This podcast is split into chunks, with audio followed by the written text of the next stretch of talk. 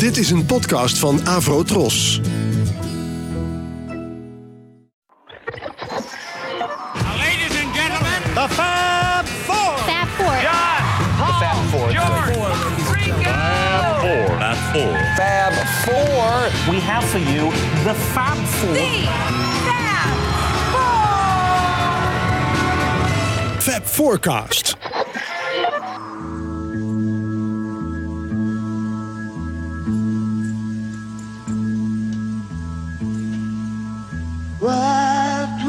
Do if I sang out of tune?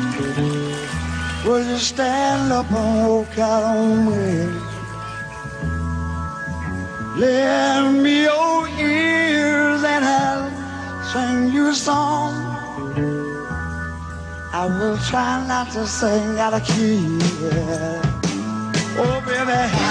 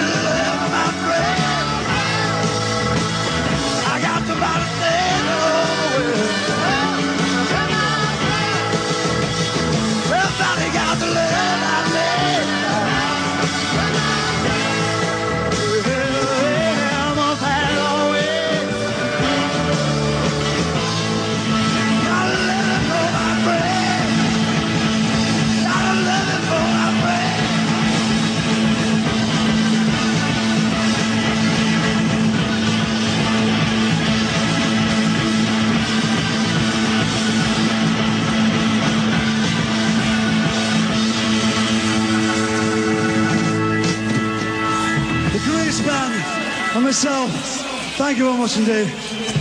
See you again. Beautiful. Fab Forecast. Goedemiddag, goedenavond, goedemorgen, waar je ook bent. Op de fiets, eh, de hond uitlatend. eh, ik weet niet, er zijn mensen die luisteren in de auto, in het vliegtuig, eh, overal. We hebben al verschillende keren gehoord. Eh, naast mij zit eh, Wiebo. en Michiel.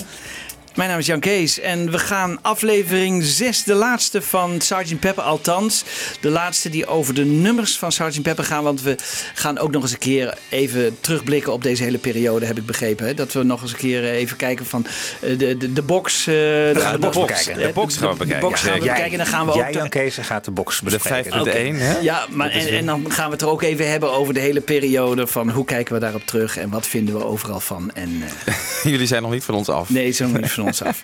Eh, wat je net hoorde was Joe Cocker with a little help from my friends. En dat kwam van Woodstock. En waarom heb ik die gedraaid? Eh, ten eerste vind ik het eigenlijk de enige cover van een Beatles nummer die echt de vergelijking met glans kan doorstaan. Dat is één. En twee vind ik het eigenlijk wel heel leuk dat zo'n hele jonge Joe, Cocker, die was gewoon net begin 20, eh, in 1969 bij Apple naar binnen loopt, naar Paul McCartney vraagt, hem te spreken krijgt en zegt, zeg, ik heb een, een versie gemaakt van, van With a Little Help from My Friends. Vind je het goed dat ik dat ga opnemen? Paul McCartney heeft ja gezegd. Eh, hij heeft waarschijnlijk even iets laten horen hoe hij dat eh, in gedachten had. Maar ah, dat hij het alleen al vraagt aan hem vind ik al heel erg leuk. Eh, en, en, en dat hij er dan zo'n geweldig nummer van maakt, eh, vond ik eigenlijk ook heel bijzonder. En vandaar dat ik even eh, alle eer eh, ook aan eh, Joe Cocker wilde geven. En was die Woodstocker-versie de eerder dan de studio-versie? Of was het niet eh, helemaal... Mm, ik denk dat de studioversie wel eerder Dat is denk ik geweest. bijna dat denk ik bijna wel, hè, want het was niet gebruikt, want dat je dan al eerder zoiets. zo- Nee, ik denk dat, dat, dat deze versie net na de. Ja, dus eh, hij zal begin 69 eh, bij Apple eh, binnen zijn gelopen, denk ik. Leon Russell zat bij hem in de band, toch? Leon Russell Ja. zat bij hem in de band, ja. ja, ja, ja. De Mad Dog on Englishman. Oh, dat kwam Mad net. Dog, een Englishman tour, ja. Ja, dat kwam misschien net daarna. Goed, maar we komen zo dus bij With a Little Help from My Friends. Eerst gaan we naar 17 maart 1967. Paul had een idee voor het nummer She's Leaving Home. Had hij in de krant gelezen eh, over een meisje. En eh, die liep van huis weg. En hij heeft daar net als hij dacht wat John kan, kan ik ook. Gewoon een krantenartikel nemen. En daar een, een mooi nummer over schrijven. Hij heeft dus dat nummer geschreven over die Melanie Coe. En eh, dacht, ik wil dat eh, graag arrangeren. En hij had al een arrangement in gedachten. Maar George Martin die zei, eh, ik kan niet naar je toe komen, want ik heb een, een opname. Dus hij vroeg eh, Mike Leander. En ik ben zo blij dat Mike Leander nog vlak voor zijn dood is geïnterviewd. En dit verhaal eh, kon vertellen. Zodat we het ook van zijn kant horen. Laten we even horen wat, ehm, wat eh, Leander daarover te melden heeft. I wasn't available because Paul wanted it done at the drop of a hat. And I was recording Cilla Black on the day he wanted to go through it. So that was the one that got away. There was a score I didn't do. I minded like hell. he said, Look, we've got a bit of a rush on. Could you do some arrangements? Now, I had just made a record of yesterday with Marianne Faithful.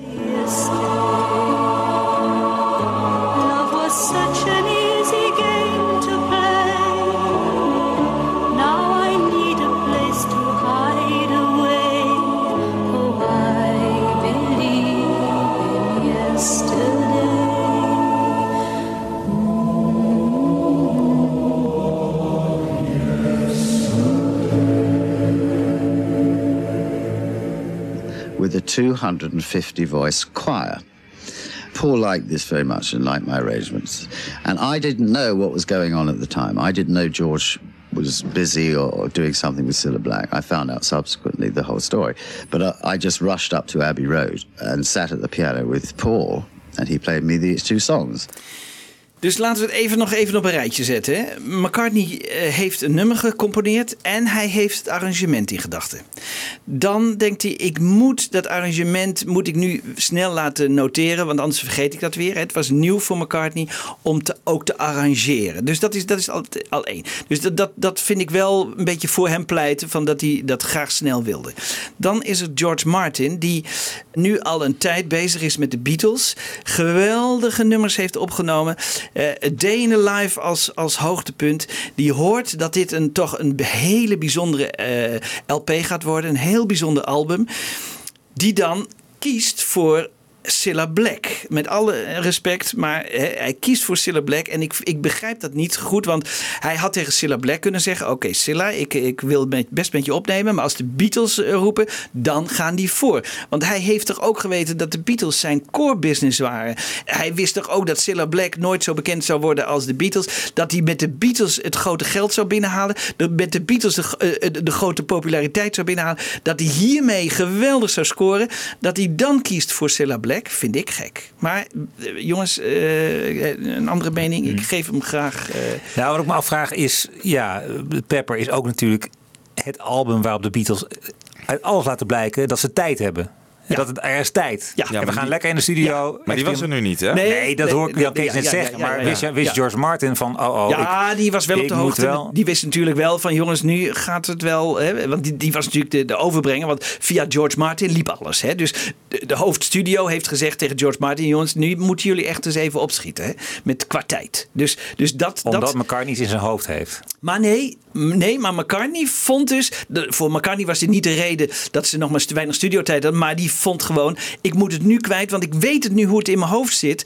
En, en ik, wil dat, ik wil dat nu graag genoteerd zien. Want anders ben ik dat misschien vergeten. Hè? Want hij kon natuurlijk wel... Maar dit lijkt me ook heel lastig als je een, een melodie hebt verzonnen. eh, Om die te onthouden. Al is natuurlijk knap, dus dat heeft hij op een tapeje gezet. Of zo. Maar dan moest hij ook het arrangement onthouden. Want dat heeft hij helemaal bedacht. En, en we moeten dus ook even bedenken dat hij kiest voor Leander.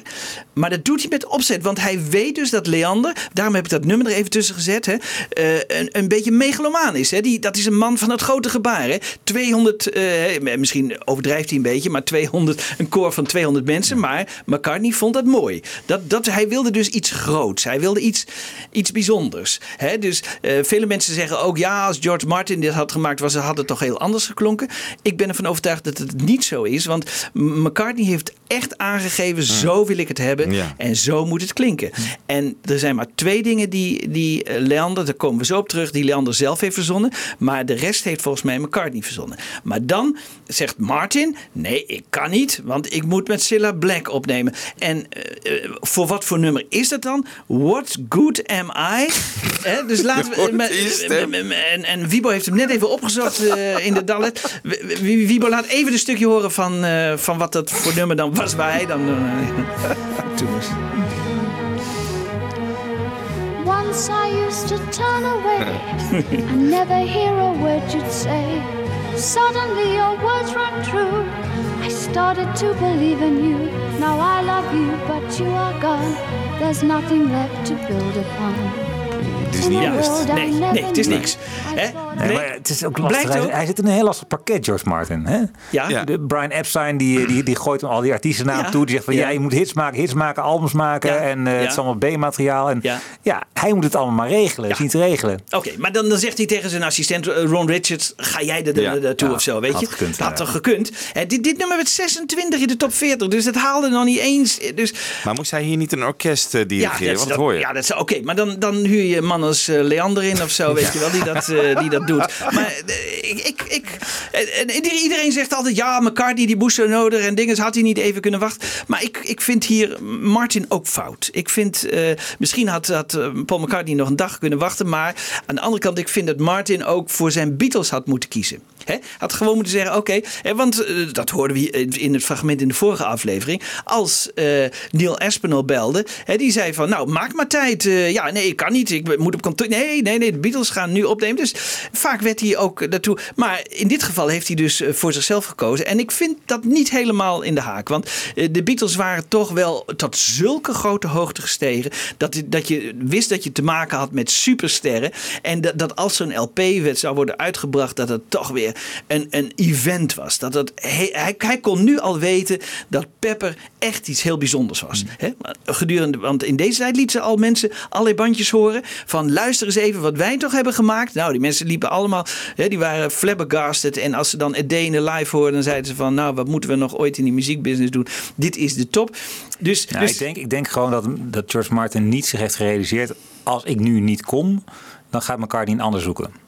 Want dat zou natuurlijk een verschrikkelijke... Ik bedoel, dat, dat, als hij dat scenario had voorzien... Ja. denk Dan, ik dat ja. George Martin onmiddellijk Ja, had dat had gezegd... hij niet voorzien, denk ik. Nee. Dat zou kunnen zijn. Ja. Dat geef ik hem dan weer als plus. Dat, dat Ja. ben ik met En jou eens, is Michiel. de creatieveling die Ja. dan meteen gewoon Ja. dat gedaan wil hebben. Dat snap ik dan voor Ja. McCartney ook wel. Ja, dat zou kunnen. Maar goed, eh, hij had al niet eens McCartney de kans moeten laten geven om naar een ander te zoeken, hè, vind ik dan in dat geval. Maar oké, goed. Hè, dus eh, dit, dit even hè, Ja. in gedachten Ik houden. vind het wel een interessante invalshoek inderdaad. Want dit, ja, een algemene mening is van... eh, Ja, hè, van McCartney, die ongeduldige Jonge jongen. had hij Ja. niet eventjes kunnen wachten. Maar dan, dan, dan wordt dus Liander, en die komt ogenblikkelijk. Hè, die komt, ja, die, die wel. Hè. Dus die komt diezelfde dag nog naar de studio. En dan is studio 2. En dan eh, zit McCartney achter de piano en laat hem twee nummers horen. De eerste nummer wat hij laat horen is eh eh, Full on the Hill. En dit zou het ongeveer kunnen zijn zoals hij het hem heeft laten horen.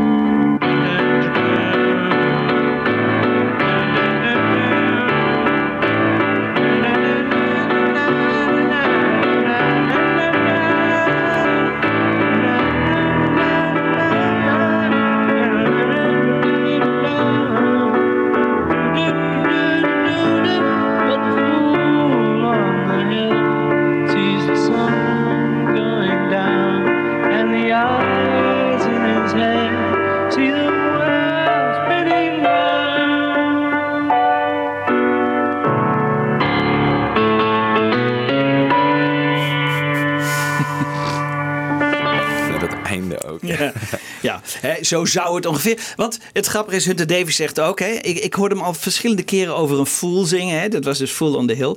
Eh, toch weer ongelooflijk. Hè, die McCartney die dan tijdens die hele Sgt. Pepper, dan zou je denken, nou je bent met al die nummers hartstikke druk. Maar dan verzint hij ook even zo'n nummer. Hè? Ja. Zo, Dus het had best gekund dat Full on the Hill op Sgt. Ja, Pepper had dat is ook leuk, hè? Ja. Want hij mocht kiezen. Hij mocht kiezen. Hè? Dus eh, Leander mocht kiezen. Welk nummer wil jij eh, van die twee eh, gaan arrangeren? En hij koos dus voor het andere nummer, Leaving, She's Leaving Home. En daar hebben we geen pianoversie, maar ik heb er een pianoversie van gemaakt. Dus ik moet weer even tegen, tegen een RBTA. Hè, dit is geen origineel, maar dit is een zoals het zou hebben kunnen klinken. En dit is het dichtst bij, want eh, als we McCartney nu zouden vragen om het op de piano te spelen, ja, zijn stem is niet meer zoals vroeger. Dus dat kan niet meer. En, en het leuke hierbij is, als je, als je deze versie hoort, dan kun je ongeveer bedenken zoals eh, Brian Wilson het ook in Amerika heeft gehoord. Want Ja. eh, hij speelde dus in Amerika ook op de piano. En Brian Wilson zegt, eh, eh, mijn vrouw en ik, die waren helemaal in tranen zo mooi als wij dat vonden. Nou, eh, ik heb geprobeerd een reconstructie te maken van eh, McCartney achter de piano die She's Leaving Home zingt. En zo zou het dus geklonken kunnen hebben op die middag in eh, Studio 2, eh, waarbij eh, Leander de beslissing moest nemen welke van de twee nummers eh, wordt het.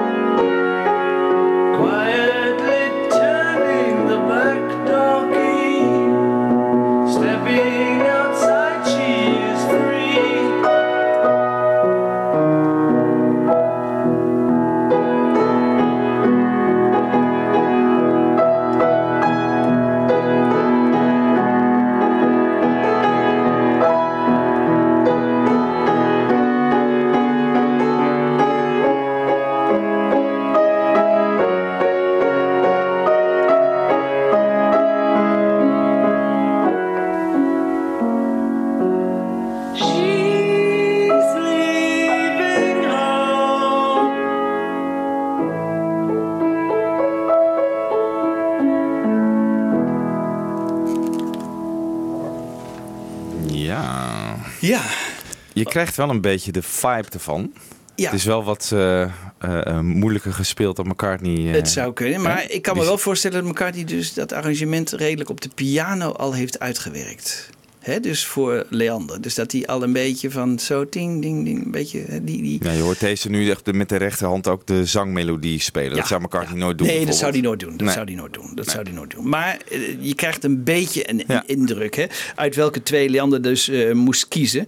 En eh, Leander die, die heeft daar dus ook nog, eh, nog even iets over gezegd. Laten we maar even horen. And I said, I, uh, you know, I think the session was two days later or something. And I said, well, I think I can get one, but I can't. Uh, so he said, well, which one do you want to do? I said, uh, I rather like She's Leaving Home. I think that's quite commercial. Famous last one. So off I rushed home, sat at the piano, tinkled it out, and rushed the score back in time for the session, which George took the session. But subsequently, it turned out that he was most put out by that, and it was one of their rare disagreements. Als ik het goed hoor, dan zegt hij dus eigenlijk... Was het voor George Martin dus eigenlijk het allerergste, geloof ik... Ja. om ook nog een keer die sessie te moeten... hè? Dat is ook zuur natuurlijk, toch? Ja, dat is ook zuur, hè? Ja. Maar hij heeft wel toegegeven dat eh Leander wel een goed arrangement had geschreven. Dat heeft hij toegegeven. Ja. Ja, ja, ja, ja, ja, ja, ja. ja. Want was die Leander, dat zag ik op eh, Facebook van Jan Vrolijk, kwam er mee, dat de Leander eh, een arrangeur bij de Stones was. Ook, Ook. ook. Oké. En Marion Faithful, dat hebben we net gehoord. Precies, dus hij ja. zat dicht bij, de, bij die. Hij voor de Stones heeft hij ook dingen gedaan. En eh, het- het was op zich een, helemaal geen slechte eh, arrangeur. Ik bedoel, eh, dat McCartney hem kiest, dat, dat lag misschien ook wel een beetje voor de hand. Hij heeft later ook nog voor de Beatles gewerkt bij. ehm, de Magical Mystery Tour, daar heeft hij wat achtergronddingen en zo gedaan. Dus Had George Martin weer een Cilla Black eh, sessie waarschijnlijk. Ik, ik snap alleen even niet hoe. hoe eh, zeg maar, er hij kon twee nummers kiezen: hè? Full on the Hill en, en She's Leaving Home. En dat staat een beetje op gespannen voet met wat je net zegt: van ja, hij moest en zou She's Leaving Home meteen doen. Want dat zit in, in het hoofd van McCartney. Ja, nee, maar hij, hij, hij wist in ieder geval van beide. Hè, van, eh, de- de- heb ik het arrangement in gedachten. En ik wil dat nu kwijt. Dus ja, eh, het, het was McCartney misschien om het even alleen dat maar hij... Maar, dat- Home, maar kijk, als, als, als Leander had gekozen voor Fool on the Hill... dan was Fool on the Hill op eh Sgt. Pepper gekomen. Hè, dat is ook interessant natuurlijk. En dan in het arrangement van McCartney... die hij in, dan in gedachten had. Hè. Dus, maar dan had McCartney ook voor, voor Fool on the Hill gekozen. Dus hij wilde gewoon waarschijnlijk één van die twee nummers heel graag op de plaat hebben. En had dat in gedachten. En, en wilde dat ook eh, eh, gearrangeerd zien. Dus ehm, En in die versie van Marion Faithful van Yesterday hoorde je ook al harp trouwens. ja, ja, dat is ook Dus leuk. dat hè? hoor je natuurlijk in Ja. She's Leaving Home ook. Ja. En, en Ja. ik, ik vond het iets over de top, maar McCartney vond het dus heel mooi. En eh, kies hem dus daar. Oh, dat heeft hij waarschijnlijk tegen Leander gezegd. Van nee, ik, ik, ik vond het prachtig zoals je. Hè, want dat, het is wel iets voor McCartney natuurlijk om dat te beluisteren. Want hè, die, die was erg geïnteresseerd in hoe anderen dan zijn eigen nummers uitvoerden. Ja. Dus die, dit, ik kan me heel goed voorstellen dat hij hem daarom heeft eh, gekozen. Nou, en dan George dirigeert het orkest. Laten we even het begin horen. En dan horen we George ook aftellen. En even het begin van de orkestpartij van eh, She's Leaving Home. Here we go. One, two, three, two, two, three.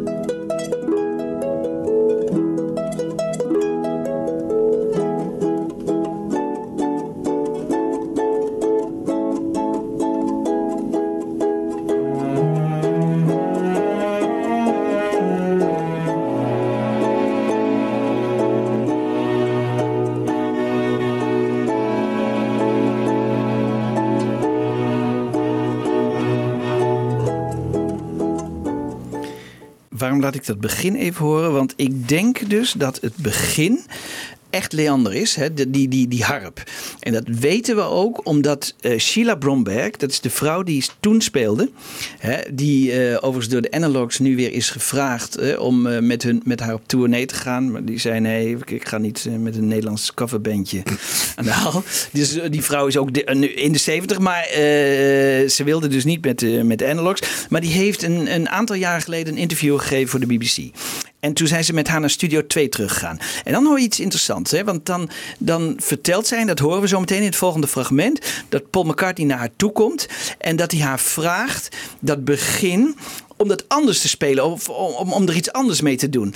Ik denk dat hij toch niet helemaal goed kon hebben dat, dat Leander een prachtig begin. Hij wilde zelf een heel mooi begin. Ik denk dat dat gewoon zijn ambitie was. Hij wilde zelf graag een mooi begin. eh, dus hij wilde dat begin veranderen. Hij wilde zelf graag daar iets, iets maken. Maar hij kwam er gewoon niet toe. Dat, dat, dat hoor je nu. Eh, Sheila probeert dus een paar dingen met hem uit. En eh, het, het wordt toch niet echt anders. En dan laten ze het maar zoals, eh, zoals Leander het heeft geschreven. Laten we even naar, eh, naar Sheila Bromberg luisteren. And I was sitting here at half past eight, tuning the harp, thinking of nothing in particular. Suddenly, a piece of music was plonked on my music stand. I gave it a brief look. Oh, yeah, right, right. And then this voice said, uh, Well, what you got on the dust? Meaning, uh, what's written on the music. I recognised the Liverpool accent, turned round, of course, it was Paul McCartney. Uh, well, first of all, I played exactly what was written, which is I'm reading the music here. And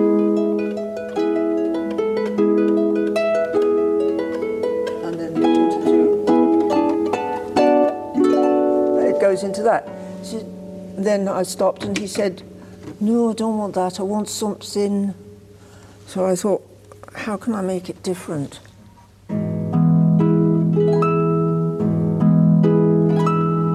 Different. It's very different. No, I don't want that. I want something. Uh... So then I brought out the big guns.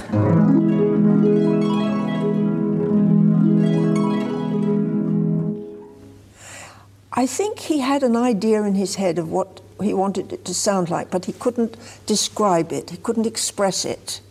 And he was waiting for somebody to bring it out of the air. During the session, after each time we played it, Paul McCartney, we'd hear the controls from the controls. No, I don't want that. I want something. Uh... So we played again.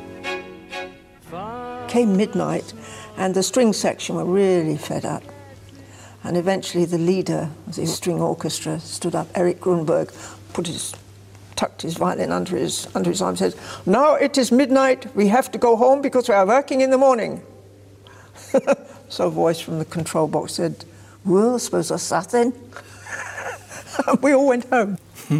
Ja, grappig hè? Haar visie daarop. En, en ik, ik vind het wel heel erg leuk. Ik denk dat ze het Liverpools accent van niet iets overdrijft. Want zo kennen we hem eigenlijk niet. maar goed, George Harrison heeft er volgens mij nog meer Liverpools accent dan McCartney. Maar het, ze vertelt het wel leuk. Maar hieruit blijkt dus dat McCartney dat begin wil veranderen. Hè. Hij wil dat anders. Hij wil dat op een of andere manier meer naar zich toe trekken. Maar het lukt hem niet. Hè. Het Nee. gaat dus niet. En, en hetzelfde gebeurt eh, hij is natuurlijk een perfectionist. Dus wat zien we ook bij die opname van dat hele orkest? Eh, dat zien we nu door. door hè, we, hebben nu die, die box prachtig. Maar ze, ze gebruiken take 1. Maar ze nemen heel veel takes op. Want hij denkt elke keer: het kan nog iets beter. Het kan, hè, laten we het nog een keer proberen. Perfectionist. Maar het, het, het, het blijkt gewoon dat take 1 de allerbeste is. Dus die, die, die wordt uiteindelijk eh, wordt ook gebruikt. En normaal is George Martin wel een beetje dan de vertaler van Pauls eh, ideeën, toch? Maar Ja. misschien dacht deze op een gegeven moment ook wel van ja, de, Ja. zat dit. Ik ga jou niet helpen met dit nummer. Oh, dat dus- zou natuurlijk dat Ja. zou heel goed kunnen. ja, Ja, ja. ja. dat is een leuke. Dat is een leuke. Hè, maar hij geeft het niet op McCartney. Want, eh, en dat horen we nu ook weer, dat is heel leuk, door RM1 Remix eh 1 eh, Mono Mix van, van die staat op de, op de box, hè, op de 50 jaar box. En daarin hoor je in het begin dat McCartney nog één keer probeert een trucje toe te passen door het heel anders te laten klinken. Nou, laten we maar even luisteren. RM1. You wasted breath, hold it.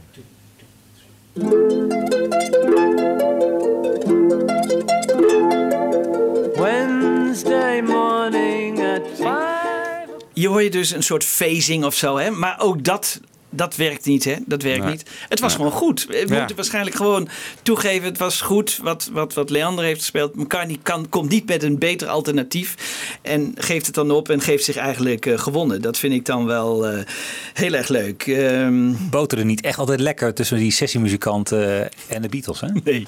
Nee. Toch de Ronnie Scott van Lady Madonna, die ging ook boos weg, geloof ik. En, Ja, eh, en deze mensen ook. 12 uur is 12 uur. Hè? En eh, we gaan er niet overheen. Want die vakbonden in, in Engeland zijn natuurlijk ook heel streng. Bang. Hè? Bedoel, daar kunnen ze mee zwaaien. En eh, nee, het was niet zo. We zitten op een Beatle-sessie en we gaan door tot vannacht eh, zes uur. Nee. Nee, nee, nee, nee. Dat, eh, dat, is, dat is wel grappig, ja. Ook al eh, speelden ze met de Beatles, dat maakt niet uit. Eh, 12 uur is 12 uur en we gaan weg.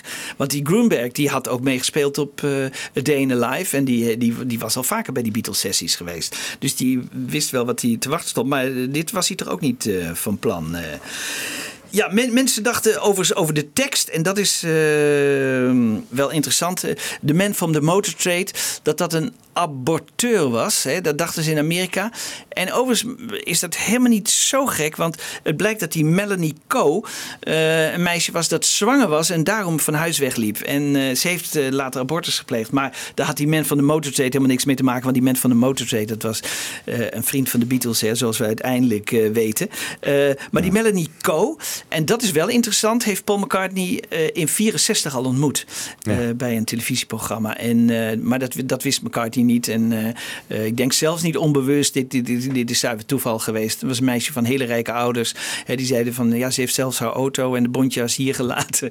En ze is zomaar weggegaan. Dus laten we even horen. George Harrison, of all people, die helemaal niks met dit nummer te maken had. Die waarschijnlijk niet eens, bij wijze van spreken, niet eens nauwelijks afwist dat dit nummer werd opgenomen. Die is een, een afloop gevraagd van hoe dat nou zit met die tekst. Laten we even luisteren. the man in the motor trade uh, in this line in uh, she's leaving home, which people say that's supposed to be an abortionist, uh, so supposedly. I mean, can Well, you? all these things uh, really it reveals what's going on in people's twisted minds.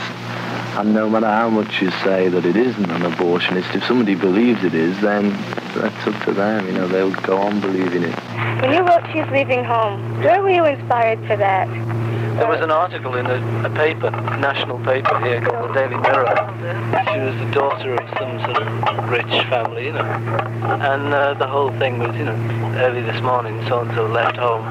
The parents said, oh, we gave her everything. We gave her everything she could want. I can't understand why she left home. We, she had everything here. And yet she did, you know, she left home. And so anyway, we were just trying to, you know, laugh at that a bit. Het is de enige keer dat hij wat over het nummer heeft gezegd. En dat is tegen twee tieners uit Amerika. En die hadden hem opgezocht. Dat is wel heel aardig. Die heeft hij gewoon binnengelaten in zijn huis. En die mochten hem alles vragen wat ze wilden. En, eh, maar die hadden een heel slecht cassette recordertje waarschijnlijk. Oh, ja. En eh, vandaar dat de, de kwaliteit zo slecht is. Maar dit is de enige keer dat McCartney zich ooit over dit nummer heeft uitgelaten. Dus eh, vandaar dat, het, dat ik het er even achter heb gezet. Ehm, dan krijg je dus de mixage van het nummer. En dan neemt Martin eigenlijk een beetje wraak. Want er zit nog een klein stukje in waarin Leander zich eh, een vrijheid heeft veroorloofd. Door een heel klein stukje extra toe te voegen. En dat wordt rigoureus door Martin eruit geknipt. We horen eerst eh, hoe het eh, origineel klonk en dan hoe hij het eruit heeft geknipt.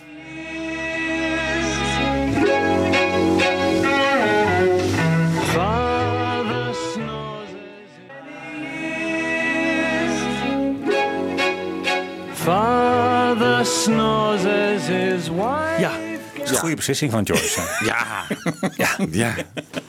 Nee, dat meen ik. Er zit, blijft de vaart er een beetje in zitten Ja. op deze manier. Ja. Nee, nee, nee, nee. Ja, ja.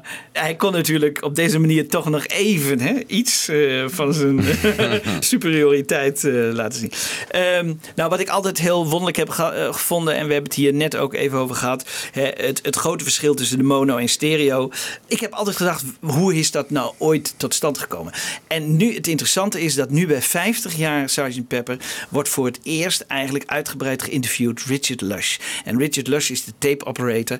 En Richard woont in Australië. En dat is misschien de oorzaak dat hij nooit echt uitgebreid hierover is geïnterviewd. Maar nu wel. En Richard Lush geeft toe dat hij eigenlijk de oorzaak is dat het allemaal niet zo is gelopen bij die stereo-opname als het had moeten zijn. Hij moest namelijk alles keurig bijhouden op papiertjes. En ik denk dat het een rommel is geweest. En dat het niet helemaal zo is geworden zoals het had moeten zijn. En hij is dus eigenlijk de oorzaak van dat er heel veel dingen gewoon anders zijn gelopen zoals ze hadden moeten lopen. Eh, laten we Richard Lush even eh, aan het woord. And then when we came to mix it in stereo, um, we'd sort of forgotten what we what we what we were going to do. So it kind of when I hear the stereo, I think, oh, we haven't got the flanging on that verse. Oh, we didn't. And because it was sort of done in a bit of a rush, you know, at the end of the album, it kind of the stereo is the one you hear on the radio, but the mono, the mono is the Bible. The mono In fact, is the one. because uh, I think view, many viewers wouldn't realise that uh, Sgt. Pepper's was actually meant to be a mono album. Mono, it was mono right up. Well, it was mono right up until it was nearly finished, and then somebody from EMI, because all all uh, pop music all came out in mono, classical music was out in stereo, and then somebody said, "Oh, we're going to bring Pepper out in stereo." And there was a lot of sort of grunting and groaning, and oh God, we've got to mix it all again. Um, so that was George Martin, Jeff, and I's task. We had to go and mix everything all over again in stereo. Basically, create another album as it is in many ways. Well, that's right. And then try to remember. I mean, I had notes uh, with speeds of tape machines and things like that written on a bit of paper, but there were some things that sort of didn't get done as well as they were on the mono. So the mono is the only one to listen to ever. Wel leuk, hè? Ja. Hij geeft het toe. Ja. Hè, Het zijn, had gewoon een papierrommel en eh, ja, oh, oh ja, wat er ergens stond daar geschreven. Hè, je moet eh, She's Leaving Home moet je sneller eh, afspelen dan de normale snelheid. Maar gewoon vergeten. maar het interesseerde hun ook niet zo, want het was niet belangrijk. Maar ik geloof niet wat hij zegt dat er iemand van EMI is gekomen en die heeft gezegd van jongens, er moet ook nog stereo. Dat wisten ze, want alle LP's tot nu toe hè, werden ook in stereo uitgebracht. Dus, dus deze ook. Maar eh, de rest, ik denk dat hij daarin gelijk heeft. Dat is gewoon, dat zijn vergeten. En eh, dat het hun ook niet zo heel erg interesseerde. En dat is nu allemaal rechtgezet. Eh, om even het verschil te horen tussen mono en stereo en die snelheid. Even een stukje verschil tussen het, het zo- zoals het tot nu toe altijd klonk, mono en stereo. His wife gets into a dressing gown. His wife gets into a dressing gown. Picks up the letter that's lying there. Picks up the letter that's lying there. Ja, aan jullie de vraag. Goeie beslissing of niet? Ja, het is een goede beslissing, denk ik. Maar als, als je zo naast elkaar hoort, dan vind ik die trage versie heeft ook wel iets hoor. Iets puurs. Ja. Toch? Ja. Ik, ik, ik heb met name in het begin van het nummer eigenlijk altijd dat ik denk van jongen, het komt maar niet op gang. Oh ja. Maar als je zo'n geïsoleerd stukje hoort, denk je van nou, dit is ook wel, heeft ook wel iets. Wiebo? Ja, als ik die versnelde versie hoor, dan denk ik af en toe wel een beetje dat Paul stem wat eh Elvin in, Gemaakt, in de ja. Chipmunks eh, klinkt. Ja. Maar ja, ja, ja, ja, ik vind het ook wel heel mooi. Het wordt wel wat dramatischer of zo, als het wat sneller is, vind ik. Ja. Maar je hoort helemaal, de langste versie is McCartney helemaal één op één, hè? Eigenlijk live Ja, gewoon. gewoon. Gewoon live. Ja, zo, zo is het opgenomen. Ja. Vinden jullie misschien dat je ze beide moet, eh, naast elkaar moet eh, kunnen? Nou, ik vind wel hoe de Beatles het hebben bedoeld Ja. op de mono-versie, dat dat, dat de versie precies, dat ben ik moet zijn. Ja. En het is goed dat het op die 50 jaar box eh, de originele, of tenminste de snelheid zoals die op de monobox staat, Ja. daarvoor gekozen is. Ja. Ja. Ja, mee eens? Ja, ja, vind ik ook. Moeten we de oude dan vergeten? Nou, we vergeten niet. Hij is er, hij is er gelukkig Ja, hij is er. Nee, ik zal hem niet zo snel meer opzetten, denk ik. Sowieso de oude stereo-versie niet. Nee, hè? Nee. Dus gewoon nu wat Giles ermee gedaan heeft, dat is wel voor mij wel de definitieve Sgt. Pepper mix. Oké. Ja. Maar als ik nou die jazz eh, remix eh, weer terugbreng naar de originele snelheid, hè? dus eh, wel de, precies de mooie Heb je dat remix. gedaan, Nee, dat, dat, dat kan, dat kan, maar eh, dat, dat zou kunnen. Maar, eh, ja, oké, dus dan krijg je de eh, stereo mix. ja, zoals dan- Jazz hem heeft gemaakt, hè, wat jullie vinden het heel mooi, Sneller. maar dan langzamer. Hè, want hij heeft hem nu Ja. snel op, eh, op de CD gezet, maar dan weer in de, in de originele snelheid. Ik zou het moeten horen. Nee, Maar- ik, ik zie hier toch allemaal twijfels. eh, ja, hè? Nou, wat ik zei, ik vind, ik vind de langzaam versie heeft iets puurs. Iets, iets ja, uit het hart. Ja. En dat mag dat nummer ook wel hebben, hè? omdat het natuurlijk een heel tragisch... eh, ja, wat, het, het wordt een beetje slepend alleen. Dat is een beetje, volgens mij, ervaring die veel mensen hebben. Ja. En daarom, toch, daarom geven ze vaak toch de voorkeur aan die mono-versie. En hoe sta jij erin? Nee, Kees? Ik, ik ben niet zo van, die, eh, van de zaken versnellen en zo. Eh, ik, ik, ik hou daar niet zo van. Ik vind ze mooier, puurder eh, in hun originele snelheid. En ik vind het al snel, en wat Wiebo een beetje zei, maar wat, wat ik heel erg vind, het gaat onnatuurlijk klinken. En Ja. voor mij hoeft dat dus niet. Ik, Nee. ik vind, zoals het opgenomen is, En heb je dat ook met When I'm 64 bijvoorbeeld? ja, heb ik ook. Ja? Ja? ik vind elke keer als ik dus die stem weer terugbreng naar, het, naar de originele snelheid, zelfs met Penny Lane en zo, vind ik het in één keer een stuk mooier. Dan denk ik, goh, eh, ja, zo klinkt McCartney. Ik bedoel, zo heeft hij het opgenomen. En daar is geen, niet allerlei technische trucjes aan toegepast van eh, sneller en dingen. En het hoeft voor mij niet eh, allemaal, nee. Want het, het heeft voor mij geen echte toegevoegde waarde. Eh, Nog even over die stem van McCartney. Hij probeert ook iets uit. Een dubbele stem. Eh, en dat laat hij ook weer vallen. Eh, ik heb even de vergelijking gemaakt. Dus je hoort de dubbele stem, maar je hoort ook de enkele stem zoals hij uiteindelijk op de LP kwam. Laten we even luisteren naar McCartney. Quietly turning the back door key. Stepping outside, she is free. Quietly turning the back door key. Stepping outside, she is free. Goed dat het eruit gehaald is. Ja? Ja, vind ik wel. Vind ik niet mooi. Ja. Dus eigenlijk niet zeg maar zozeer een double tracking, maar meer een Hij heeft tweede zichzelf stem. even met, zich, ja, met Tweede zichzelf, stem. tweede Ja. stem met zichzelf meegezongen. Klinkt heel Dus raar. ter- ja? Niet- ja, dat heeft hij vast wel eens mooi gedaan, maar dit, dit klinkt nergens naar. Dus terecht eh, dat ze de ene gewoon niet hebben meegeveed. Hè? Want het stond er wel op. Maar, eh, Nou, dan eh, professor Mellers. Ehm, in 87 kwam er een documentaire uit. Het was 20 Years Ago Today. Prachtige documentaire. Ja. Net op bootleg ook weer verschenen. Dus jongens, eh, de- de- iedereen die de kans krijgt, koop hem. Want het is wel een hele bijzondere eh, documentaire. Waarin ook eh, Nederlandse provo's aan het woord komen. Maar ook allerlei mensen on- rondom die Beatles. En, en George Harrison en Paul McCartney en al die mensen. En dat geeft een heel mooi tijdsbeeld. Daarin zit ook professor Mellers. En professor Mellers die schreef voor de Times. En die wist eigenlijk de Beatles te analyseren op een intellectuele wijze. En dat begrepen de Beatles niet altijd, maar ze waardeerden het op een of andere manier wel. Want daardoor werden zij ook salonveeg eigenlijk in die groep eh, luisteraars. Dus dat is wel heel erg leuk. Want laten we eerst eh, professor Mellers even achter de piano horen. En die beoordeelde dus eh, She's Leaving Home op zijn eh, ja, bijna universitaire eh, zienswijze. Laten we hem maar even luisteren. Wednesday morning at five o'clock as the day begins. Silently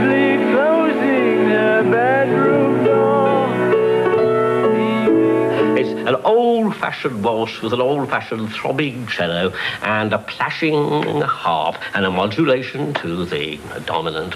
Uh, and then this arching little tune, which is full of hope and regret.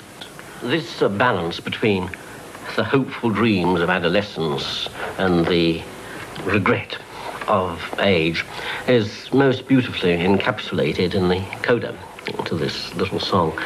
The parents are singing, We gave her everything that money could get. We struggled hard all our lives to get by and so on. And then she's leaving something inside that was always denied for so many years. And this is going on simultaneously. But then in the little coda, after you've had the repeat of the refrain tune, it goes.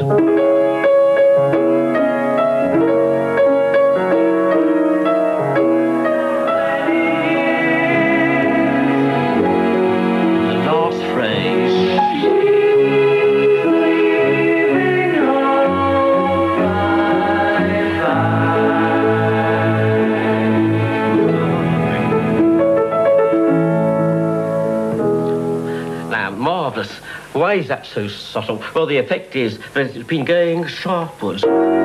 From there, door, going sharpwards, upwards, full of hope, you see. But then the actual cadence is an amen. It's what is called a plagal cadence. And so that flattens us down, and you get that wonderful balance between the two. Well, that I'm sure was absolutely instinctive. I don't. The Beatles didn't say, "Oh, let's have a dominant modulation followed by a plagal cadence," uh, but that's genius, you see. I mean, that's uh, that's how it happens. Ja. Er zit wel wat met cadences in hun carrière. De Aeolian cadence. Ja, volgens ook. mij was dat ook van hem eh, afkomstig, Oh ja? eh, de, die Oh. kritiek. Hè? Dus ja, de- vandaar dat ze hem ook hebben gevraagd om hier nog eh dit, dit- dit nummer van Sgt. Pepper te beoordelen. En John, die kon zich dat ook nog herinneren. Eh, hij heeft het eh, over Mahler of zo, maar hij bedoelt in ieder geval die cadence. En, en laten we John Lennon nog even over die professor Mellers eh, aan het woord. You see, intellectuals have the problem of having to understand it and then listen to it. They can't. They can't feel anything. So that's their problem. So the only way to get an intellectual is to talk to him and then play him the record. You couldn't put a record on and then let him hear it. So the intellectuals had to read about it first and then hear it. So the guy in the Times, whoever he was, who wrote that thing about Mailer's fingers or whatever the hell he wrote, you know, was Sood's corner, you know, but it worked and we were flattered. We were flattered. Ja, dus dat vonden ze toch wel, eh, wel leuk. Nou, hiermee eh, eindigen we She's Leaving Home. En dan zijn we op 29, 30 maart. Hè. Het loopt echt tegen zijn einde. Ze, eh, 1 april moeten ze echt eh, stoppen. Maar ze moeten nog een nummer voor Ringo. Hè. En, en dat is, op elke LP komt Ringo naar voren. Dus er moet nog een nummer geschreven worden voor Ringo. En dat mag niet te veel notenhoogtes zijn, want dan kan Ringo het echt niet meer bijbenen. George Martin, even over die song die, die ze schreven voor Ringo. John and Paul always wrote a song for Ringo in every album. With a little help my friends proved to be the song. And Paul wrote that song and wrote it beautifully simply with just five notes that Ringo had to carry, all within one little phrase of which was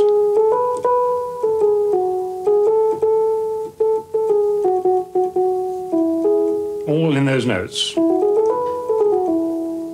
Terribly simple, terribly effective.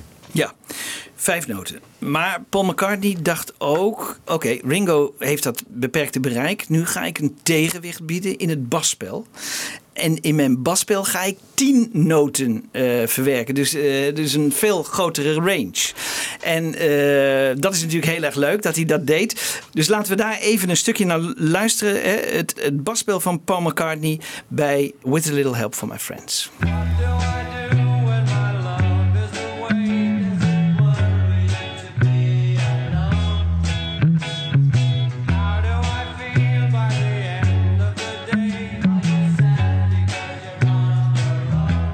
Ja, dus prachtig. Hè? Ook weer heel melodieus eh, gespeeld. Ja, lekker helder ook, hè? Ja. Was het volgens mij direct eh, in de tafel geprikt, hè? Precies, klopt. En daarom klinkt het ook zo, eh, zo prachtig, geweldig. Eh, ze hebben nog een grapje in de tekst. Eh hebben, hoor ik niet zoveel over, maar eh, het is toch echt weer... Ik denk dat dit John Lennon is die de volgende zin heeft bedacht. What do you see when you turn out the light? I can't tell you, but I know it's mine.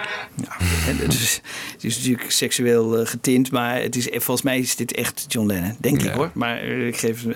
Ik, ik hoor altijd eh, nu heel veel mensen. Wij zijn ook geweest bij de preview van Universal. Liet ons ook weer horen take 1 en take 2. En zeiden ze: het begin is zo mooi, want daar kun je zoveel uit afleiden. Hè? Dan hoor je al hoe dat nummer zich heeft ontwikkeld. Laten we nog even luisteren naar take 1 en 2, het begin. Take 1.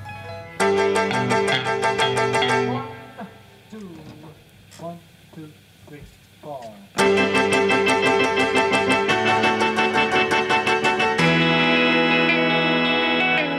Take two. What do you play, John? You play what you play. Okay. One, two, three, four.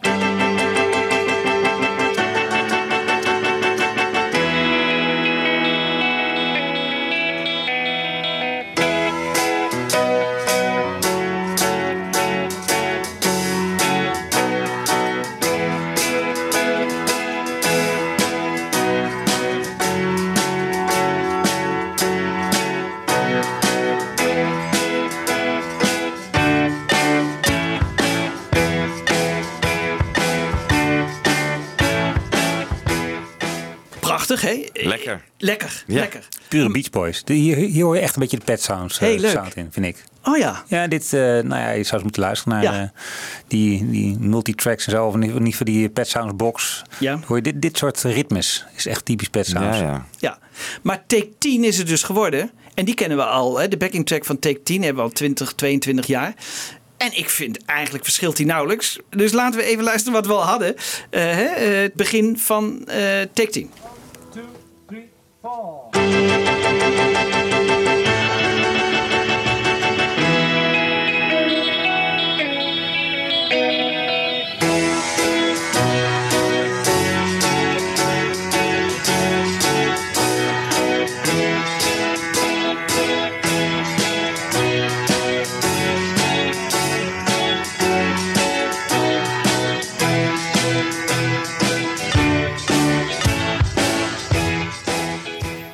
Nauwelijks verschil. Nauwelijks verschil toch? Ja. Nauwelijks verschil. Nou, eh, moet ik Charles Martin, ik bedoel, die weet natuurlijk ook niet wat er allemaal beschikbaar is op die markt. Maar eh, ja, het is eigenlijk, eigenlijk had ik gehoopt dat, dat take 1 en 2 nog wat anders zouden klinken. Dat het echt eh, grote verschillen. Maar je ziet vaak, dit is ook weer zo'n McCartney-nummer. En die heeft gewoon in zijn hoofd hoe die, hoe die het wil. En je ziet dat eigenlijk tussen take 1 en take 10 nauwelijks verschil zit. En dat is, ja, op zich is hem dat ook wel de prijs. Ik bedoel, hij weet gewoon hoe hij het wil hebben. En zo laat hij het ook klinken. Ehm, Had McCartney nu ook al zijn hoofd dat dit het tweede nummer eh, moest worden? Dat het uit Sgt. Pepper eh, het nummer moest komen? Ja, dat wisten ze wel, want zo hebben ze het ook. Want ze wisten dat Billy Shears, dat dat, want ze waren nu al, moet ik wel zeggen, al helemaal op het eind. Hè? Want eh, Mhm. dit was eigenlijk het, het, het voorlaatste nummer waar ze mee bezig waren. Dus het, het is eigenlijk Billy Shears wisten ze dat erin zou komen. En dan een applaus. Misschien kunt u het applaus ook even horen, want dat is wel leuk. Dat, ze hadden dus Billy Shears en dan een applaus laten klinken. Dat komt ook weer uit het archief. Maar, en moet je even horen hoe dat dan los klinkt. Dat vind ik ook wel weer leuk, hè? dat applaus. Uh, this is the applause into a little help from my friends. Uh, so I'm 20.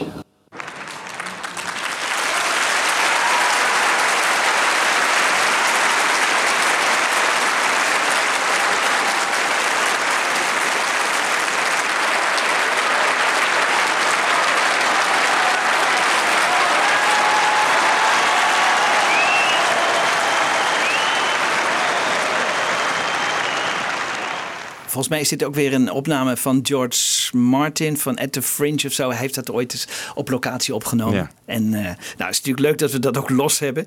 Dit is denk ik weer afkomstig van eh, een keer dat ze dat voor McCartney los hebben eh, aangeleverd voor een live eh, opvoering. Ehm, Richard Lush he- herinnert zich nog dat, dat Ringo eh, een, een probleem had met één noot. Laten we Richard Lush even aan het woord. What was it about that song that he struggled with?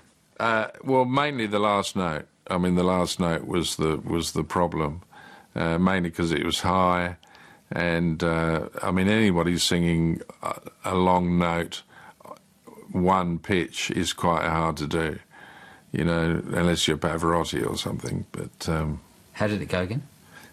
with a little help from my friends. It took a lot of coaxing from Paul to get me to sing that last note. I just felt it was very high. I always worry about the vocals, you know, and I, I'm insecure when I do the vocals. I still am, and I was then.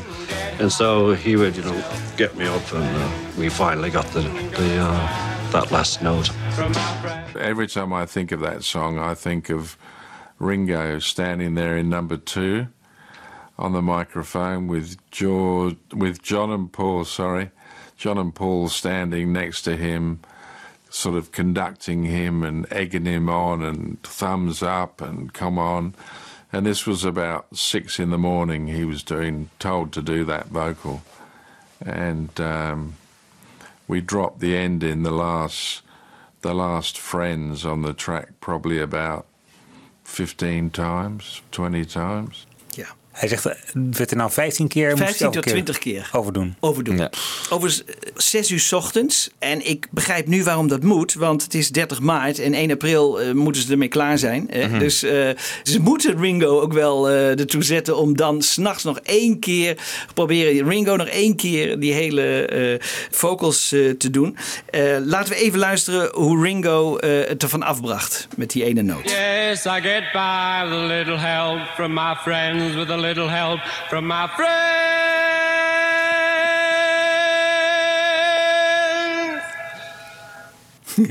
Leuk hè? Ja, knap. Maar hij werd een beetje geholpen eigenlijk met de tweede stem van John en Paul. Yes, I get by with a little help from my friends, with a little help from my friends.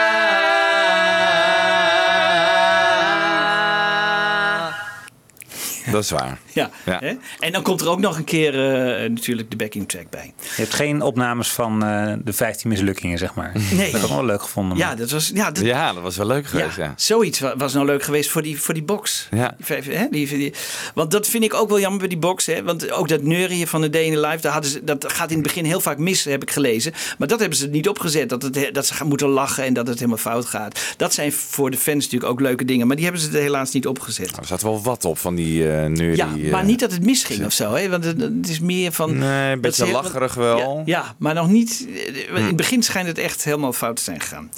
Nou ja, ik luister dus naar die multitracks. En John maakt een foutje daarop. Hè? Die, die heeft in één keer door dat hij nog die eindquote, die einddingen moet, moet zingen met Paul. Dus hij, je hoort John in één keer zeggen... "Eh", en dan, dan is het afgelopen. En dan vraagt George Martin aan Paul via de koptelefoon: van, eh, Heb jij ook John dat foutje horen zeggen? Is dat erg? En dan zegt eh McCartney iets van: Nee, we'll do it. Of zo. We, we, kunnen ermee door. Eh, Dat is, dat is niet erg. Heel grappig, dus dat McCartney ook de basis is over deze opname. Maar je, je hoort dus even John schrikken. En dan George Martin hoor je niet, maar je hoort wel Pauls reactie. Die eh, antwoordt aan George Martin. Laten we even luisteren. Hi, with a little help from my friends. Hi, with a little help from my friends. Oh. Ah.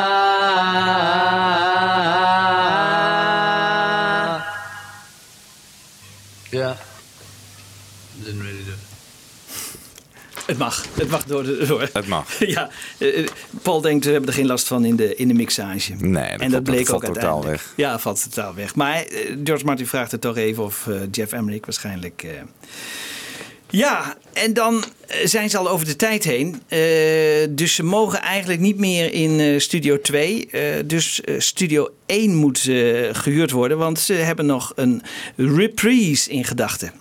Hè, ik, eh, als ik het goed uitspreek, eh, Sgt. Pepper Reprise. Ja, Eh, dat is ja, helemaal goed. correct. Ja, ja, ik zou zelf nooit reprise zeggen. ja. Ehm, deze reprise, die ging eigenlijk over van Good Morning, Good Morning gaat die over in de reprise van Sgt. Pepper. En George Martin, die vertelt erover. Eh, ik dacht dat hij dat nu deed. Even kijken. Volgens mij wel. Ja, hij vertelt erover de- over die, die haan. en en, en dat, dat die haan overgaat in de eerste gitaarlek van, van de reprise. Laten we George Martin even aan het woord. We put a hell of a lot of sound effects on that thing. Um, and that's where, when the editing came along, that sort of moment where Pepper grew almost by itself, when at the end of the effects we have a little chicken squawking. And I knew I wanted to segue into the reprise of Sergeant Pepper. And at the beginning of Sergeant Pepper on the warm up, there is a guitar lick. And the guitar lick sounded just like the chicken to my ears. So I put the two, actually scissor cut the two together. So the chicken turns into a guitar. And that was one of the nice things I think that happened that um, Pepper seemed to grow of its own accord. The first proper track that I did totally was Pepper. Was uh, the reprise of Pepper, or the the the pep? Sorry, the uh, main track of Pepper. The first The track. reprise was one of the last ones we did, and Pepper was the first first track we did. And the reprise you, you, you remember fondly. And the reprise I remember fondly because it was just one of those special nights when they were playing great. They were all there together, which didn't always happen. And we were in we were in a different studio. We were in number one studio, which is the main classical studio, which normally didn't have pop music done in it. And we built little houses for everybody to sort of be close to each other in, and it was just a great the the vibe. Them playing that night was fantastic. Dit is weer die Richard Lush. hè? Dit is weer de Lush, Richard. Lush. Die al helemaal Australisch accent heeft aangemeten. Ja, leuk hè? Ja, Ja, ja. dat hoorde ik ook. Ja, heel grappig. Maar hij woont er geloof ik al 30 jaar of zo. Hij woont er al heel lang. Ehm, nou, ik dacht wat eh, jazz kan, kan ik ook. Eh, die is zo gek op die backing tracks. Eh, laat ik ook even het origineel van de backing track horen van de reprise. En ik laat hem echt helemaal horen met een extra Paul stukje aan het begin. En een mooie, echte staande eind. De reprise zoals we hem kennen, maar dan zonder vocals.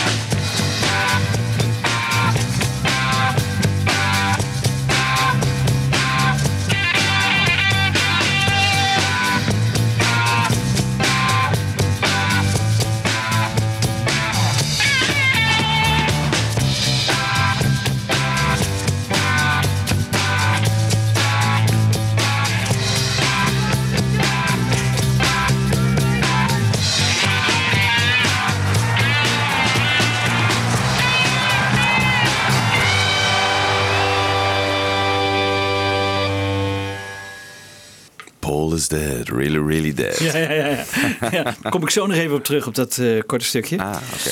Ehm, nou, eh, George Martin over de reprise en Neil Aspinall, die eigenlijk de bedenker is van, eh, om het nog één keer terug te laten komen. Laten we ze even beide aan het woord. You know, he had this song, Sgt. Pepper's Lonely Hearts Club Band, and he, he he was kind of identifying it with the band, the Beatles themselves. And the the I think we recorded the song first, and then the idea came to make it into a, an idea for the for the album, which was also triggered by Neil Neil Aspinall, who said at that time, Why don't we have Sergeant Pepper as the comper? You know, he comes on at the beginning of the show, introduces the band, right? And then at the end of every Beatles show, Paul always used to say, it's, uh, you know, it's time to go, you know, we got to go to bed and, uh, you know, this is our last number. You know, do the last number and go. And uh, I said to, to Paul, why doesn't Sergeant Pepper come on at the end of the album and say, you know, well, that's it, we've got to go, you know, here's our last number, right? And uh, send the album on tour instead of the band, right? So uh, we like that idea. John's reactie was: Don't be too clever, Neil. En daarmee bedoelde hij eigenlijk: eh, Het is een goed idee. Ja. Maar dat was zijn manier, hè? Om dat Ja. dan. eh, de- Zei hij ook niet van... eh, Nobody likes a smart ass of zo. Ja, precies, ja. ja, ja, ja, ja. En toen wist Neil van... Toen ja, wist Neil- Daar zit het goed. Ja, mijn idee wordt ja, grappig hè, dat hij niet gewoon kan zeggen: Ja, wat een goed idee, joh, dat gaan we doen. Nee, nee, nee, het moest toch op een andere manier gezegd worden. Ja, nou, de vocalen, maar die zijn ook wel heel mooi. Je ziet hier dat George, George Harrison is weer terug. Hè? Die voelt zich weer zeker. Die heeft, nadat hij natuurlijk zijn eigen nummer heeft eh, gemaakt, is hij weer helemaal terug. En eh, eh, die zingt ook eh, flink mee. Laten we even horen we hem ook op gitaar, of niet? Ja. Ja, Want, eh, in- het is dus echt, de- wat, wat dingen zegt, het is echt, echt weer de band. Hè? Dus ze hebben hem ook heel, helemaal zo ingespeeld. Dus ze hebben geen overdubs. Alleen de, de vocalen zijn eh, overgedubt. Maar eh, de rest is gewoon band. Want die Paul liedgitaar in het, in het startnummer, het eerste nummer, is van Paul. Dat hebben we Ja, begrepen. Ja, Ja. ja, Maar in de ja, reprise maar is in het de George. reprise niet. Nee, dan spelen John weer en, eh, en, en, John en doet die George. slag en George doet de likjes. Ja, ja, en, en, en Ringo op, op, op drums en Paul op, op bas. Dus, maar wat ik me eh, dan afvraag, wie speelt dan dat orgel? Je hoort ook eh orgeltje de- de- erin. eh, Is eh, George wat ik Martin? heb begrepen dat het George Martin was. Maar, eh, want, want het is ook maar heel weinig. Je kunt het heel slecht horen wat er nou... Want volgens mij wordt er maar een paar korte stukjes in gebruikt. Ja. Het is, hij is nauwelijks aanwezig. Alleen je hoort hem wel aan het begin. Als ze aan het eh, inspelen zijn, dan eh, Ja. hoor je hem eventjes. Die, eh, Klopt. ja, nou wat je bij Charles dus nooit hoort, eh, maar bij ons wel, eh, zijn de vocalen. En eh, nou, die zijn ook in dit geval toch wel weer heel erg leuk. Bye.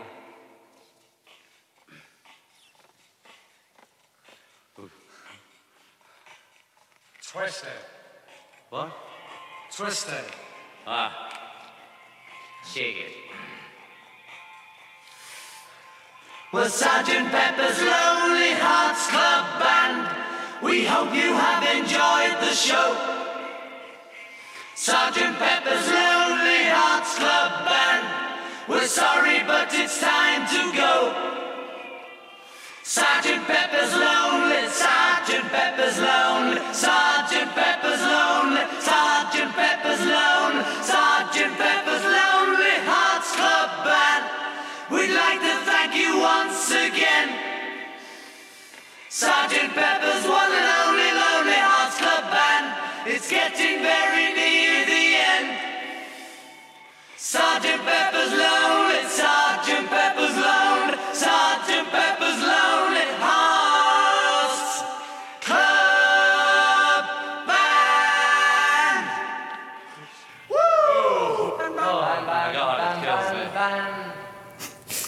Mijn, mijn, Ja, dat is echt George, hè? Ja. Dat is heel leuk.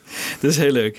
Nou, en dan eh, weten ze dat ze mee op moeten houden. Over George Harrison gaat nog wel eh, wat, wat doen aan zijn eh, Within You, Without You. Maar ehm, dat zal pas de volgende dagen zijn. En daar moeten ze geloof ik wel extra voor gaan betalen voor die studiotijd. Maar McCartney weet, mijn vliegtuig vertrekt vanavond. En smiddags doet hij nog twee dingen. En dat is dan wel interessant. Want hij, dat heb ik al eerder laten horen, een, een nieuw begin voor A Day in the Life. Daar is hij nog niet helemaal tevreden over. En dan probeert hij iets uit met de piano, lukt niet. Eh, verdwijnt. En een tweede ding wat hij uitprobeert en wat wel eh, eh, hierbij is, wa- waar jullie het net over hadden, die woorden die je op de achtergrond hoort en wa- waar Paul McCartney is dood altijd voor wordt gebruikt. Dat is McCartney die door één keer nog iets zingt, maar waar we niet horen van wat het is. Dus het zou heel goed in die prachtige compilatie van Michiel hebben gekund, hè, die, waar hij eigenlijk niks zingt, maar toch iets zingt. Er zijn geen woorden, maar hij, hij voegt toch even iets toe. En ja, dat vind ik dan wel weer heel erg leuk. Laten we even McCartney horen die, die, die de puntjes op de i zet.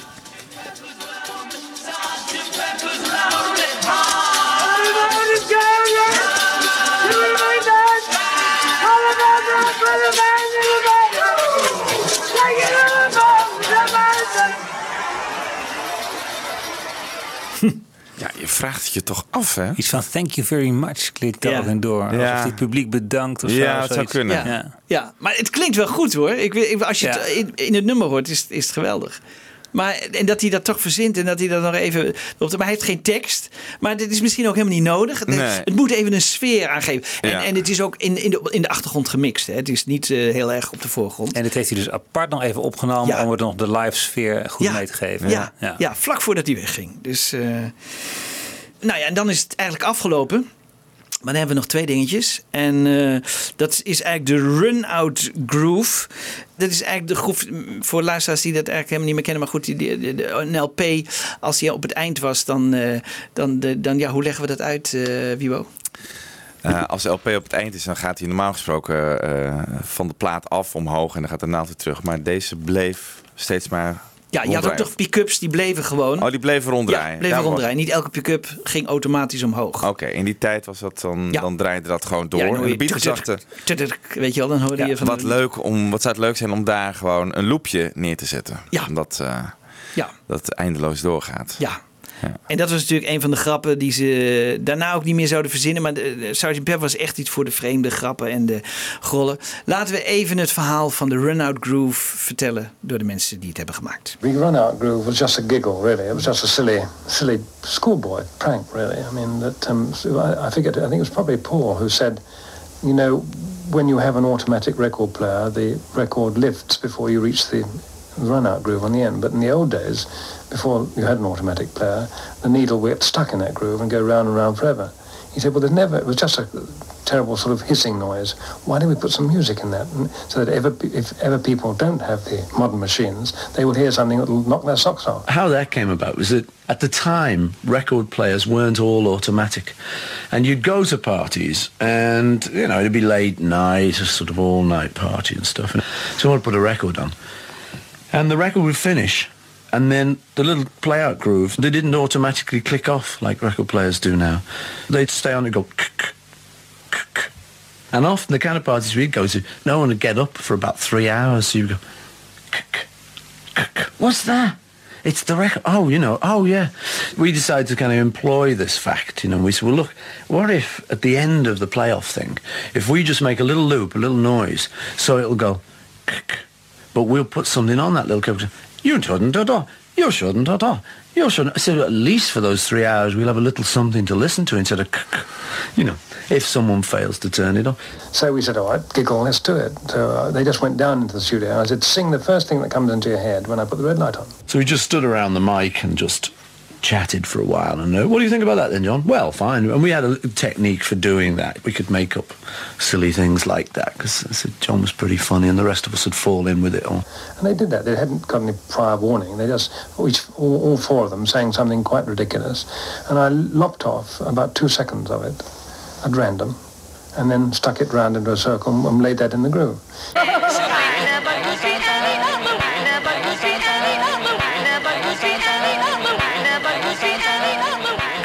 Never could be any other.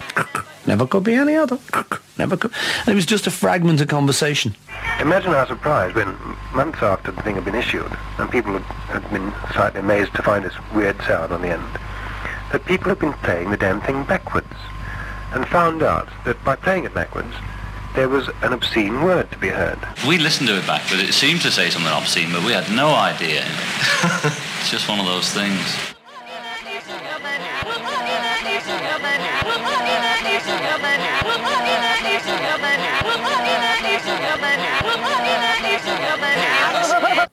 Ja, we'll fuck you. Like your Superman. Your Superman. Ja. Maar die, eh, zo'n hoge stem, ik heb altijd gedacht dat dat een vrouwenstem was. Maar is dat ook weer Ook weer versneld? versneld, ja. Maar ik heb hem dus ook geprobeerd langzamer af te spelen. Maar dan, dan, dat, levert eigenlijk niks op. Het is niet zo dat je dan echt Paul McCartney hoort of zo. Nee. Dus eh, ze hebben er wat mee gedaan. Ik weet niet precies wat. Maar eh, Je hoort Paul wel lachen trouwens, hè? die lacht. Oh. ja, dat wel.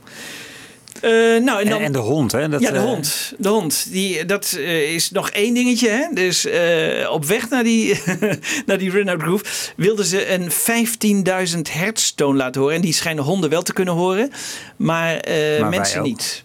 Ja, wij ook misschien als je hele goede oren hebt hè, en eh, je bent jong. Dan, eh, tenminste zoiets. Maar het is in ieder geval... eh, Misschien Hoor is jij het niet meer dan? Misschien is het 17.000 hertz. Ik heb hem Nou, ooit wel gehoord. Ja, ik, ik, ik zou het niet even weten ja, of je had nu vroeger nog... televisies ook die een heel hoog Ja. signaal gaven. Maar eh, hierin hè, is hij gewoon wat verlaagd hoor. Dus eh, ze hebben, geven even een voorbeeldje, maar dat is gewoon een la hebben ze hem verlaagd zodat we hem allemaal kunnen horen. Nou, laten we tot slot even eh, ze aan het woord over de 15.000 kilohertz. And we also put in a 15 kilohertz note for dogs. Again, a stupid prank. We should imagine there's people sitting around and they think the album's finished and suddenly the dog goes, whoo, and starts barking and no one will know what the heck's happened, you know. He said, it's brilliant, you know. We'll just put it, he said, no one will know. Humans won't be able to hear it, so they won't be fussed about it. I don't know what it's at, the frequency, but very high frequency. For dogs that might happen to be listening to Sergeant Pepper. But it was fun to do a thing like that. And um, later on, I believe the vinyl discs had that removed, so that there are quite a few discs who don't have it. Ja, in Amerika was het er geloof ik niet opgezet, hè? Ook de run-out groove niet. Nee, daar deden ze niet aan dat soort grappen. Nee. Nee, ook die, die binnenhoes hè, van de Fool, weet je. De- dus de- niet de witte, hè, eh, waar- de LP in zit. Hè, dat was eh, Hmm. een beetje eh, golvend Ja, roze. rood, ja. Werd ook niet in Amerika gedaan. Nee, Nee. Dat, daar deden ze allemaal niet aan. Dat is wel zo jammer, want het hoorde er toch ook bij. Pas Ja. bij eh, Rarities hebben ze dat, geloof ik, voor Capital hebben ze dat er wel opgezet, dacht ik.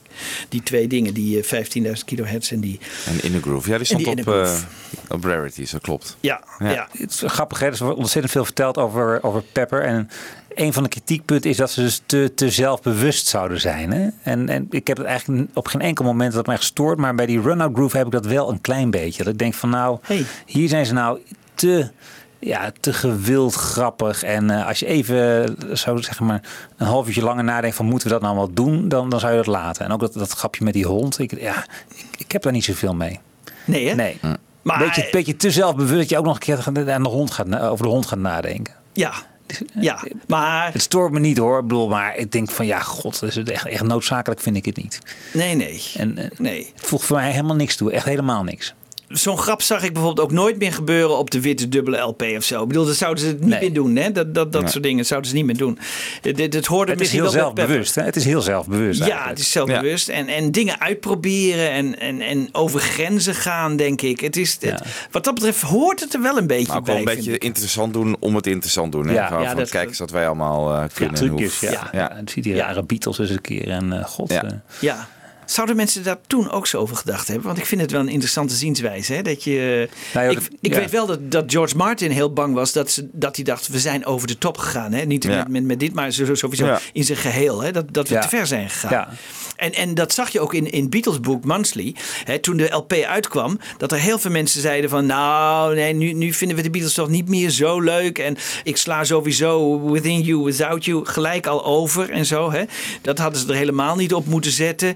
En eh, When I'm 64 vind ik ook niet meer echt de Beatles. En ja, er was ook best kritiek. Ik bedoel, het is niet de- allemaal... zeg maar tot de vrees dat je iets zo groots maakt en dat het gewoon ontploft. Ik bedoel, het kan natuurlijk. eh, er zijn wel eens films gemaakt, weet ik veel. Die film van, ik denken, die film van Kevin Costner, waar die iets van drie jaar op Oh, ja. een soort, soort, soort, soort Oh, ja. watervlakte, een van de duurste films aller tijden. Gewoon een gigantische flop. Ja. Ik bedoel, sowieso had dit misschien, althans, ja, ik kan me voorstellen dat toch iets van hoe gaat het landen, hè? Dat, dat, dat die vrees toch wel speelt. Ja.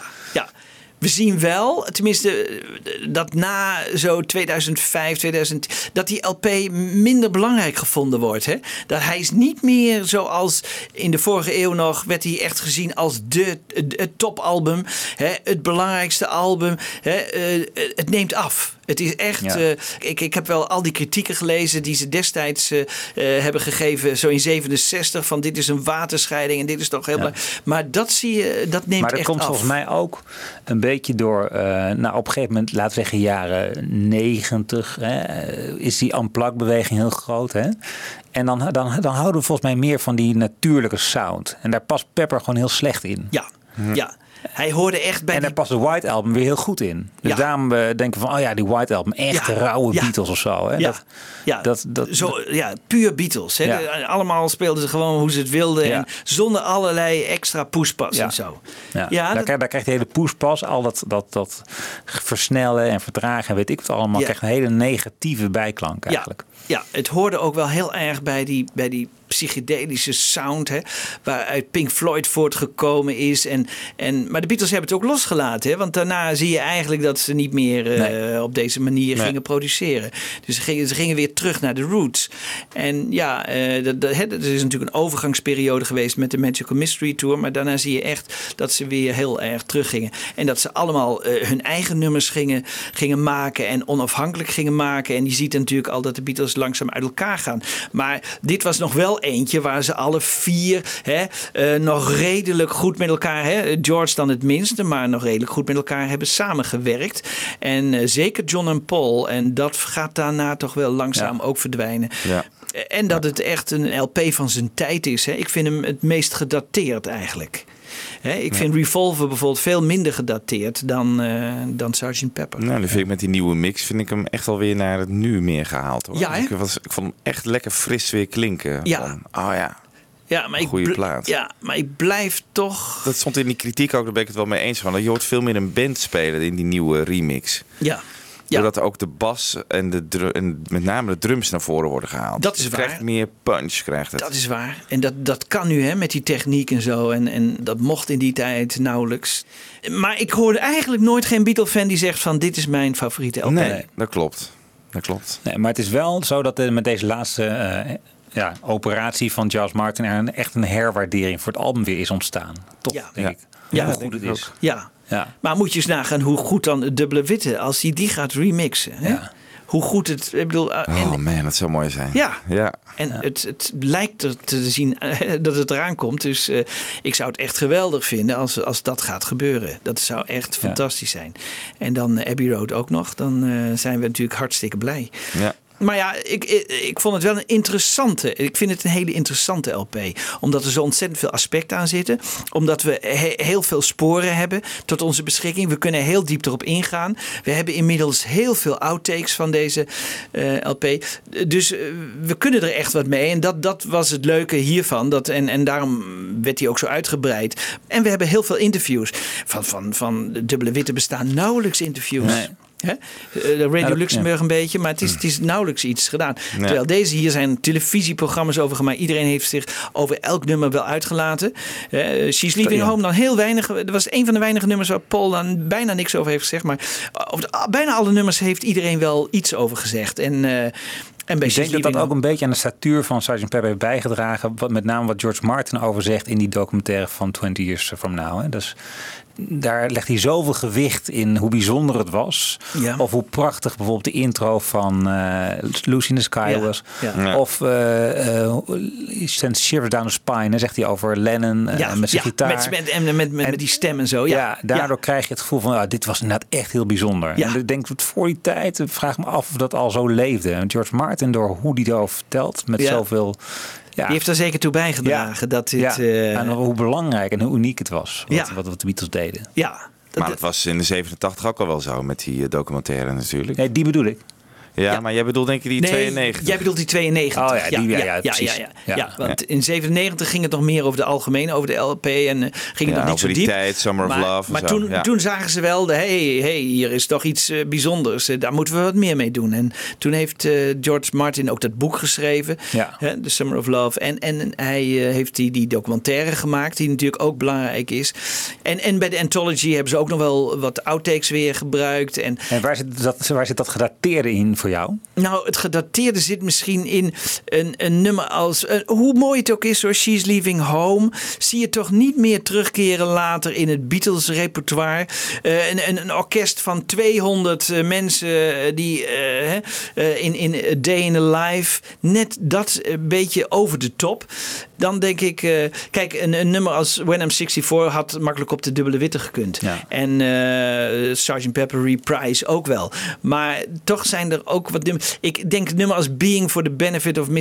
Kite. Met die, al die draaiorgels en zo. Ik, eh, ik zie ze daarna niet meer maken. En, en dat vind ik een beetje gedateerd in die tijd. Hè? Lucy in the Sky. Ook met, mee. met dat flang, flanging. En de, dus de- dat phasing. En de- in die stem. En zo. Dat, dat keert ook niet meer terug. Dus, dus dat soort dingen. Eh, bijvoorbeeld eh, een beetje ook Sgt. Pepper, de intro. Vind ik ook iets gedateerd. Ik weet niet. hè, Dat, ehm, Dat tussenstukje met die blazers. dat tussenstukje met die blazers. Ja. Hè, dus Ja. daar is het voor mij dan een beetje eh, gedateerd. En, en, en vind ik het heel erg in zijn tijd passen. En er werden nog dingen door anderen nagevolgd. Maar je ziet ook, het sterft langzaam, langzame dood. Hè? Die, die, hele, die hele psychedelische scene, dat, dat verdwijnt weer. En men keert weer terug eigenlijk tot de rock and roll en, en, en de, de, de, de wat simpele nummers. Hè, McCartney gaat dan ook weer eh, op de witte dubbele LP echt weer alleen met de gitaar en, eh, of achter de piano zitten. En eh, ja, schrijven weer nummers zoals ze bedoeld zijn en, en die tijdloos zijn. En, en dat, dat mis ik hier een beetje. Ja. Tijdloos eigenlijk. Ja, over Blackbird zou je dat nooit zeggen Nee. dat het gedateerd is. Nee. Nee, nee. En Mother Nature's Son of Julia of noem maar op. Hè. Allemaal niet eh, gedateerd. En Yeah Blues, dat, dan, dan keren ze weer terug tot, tot de rock and roll. En, en met Birthday en Back in the USSR en zo. Eh, ik vind ook McCartney maakt ook niet veel gebruik van de nummers van Sgt. Pepper in zijn live, eh, Nee. in zijn live optredens. En dat is ook wel logisch. Hè? Ze zijn ook moeilijk uit te voeren en dat, dat zie je ook bij. Ik, ik heb, vind het ontzettend knap wat de analogs hebben gedaan hoor.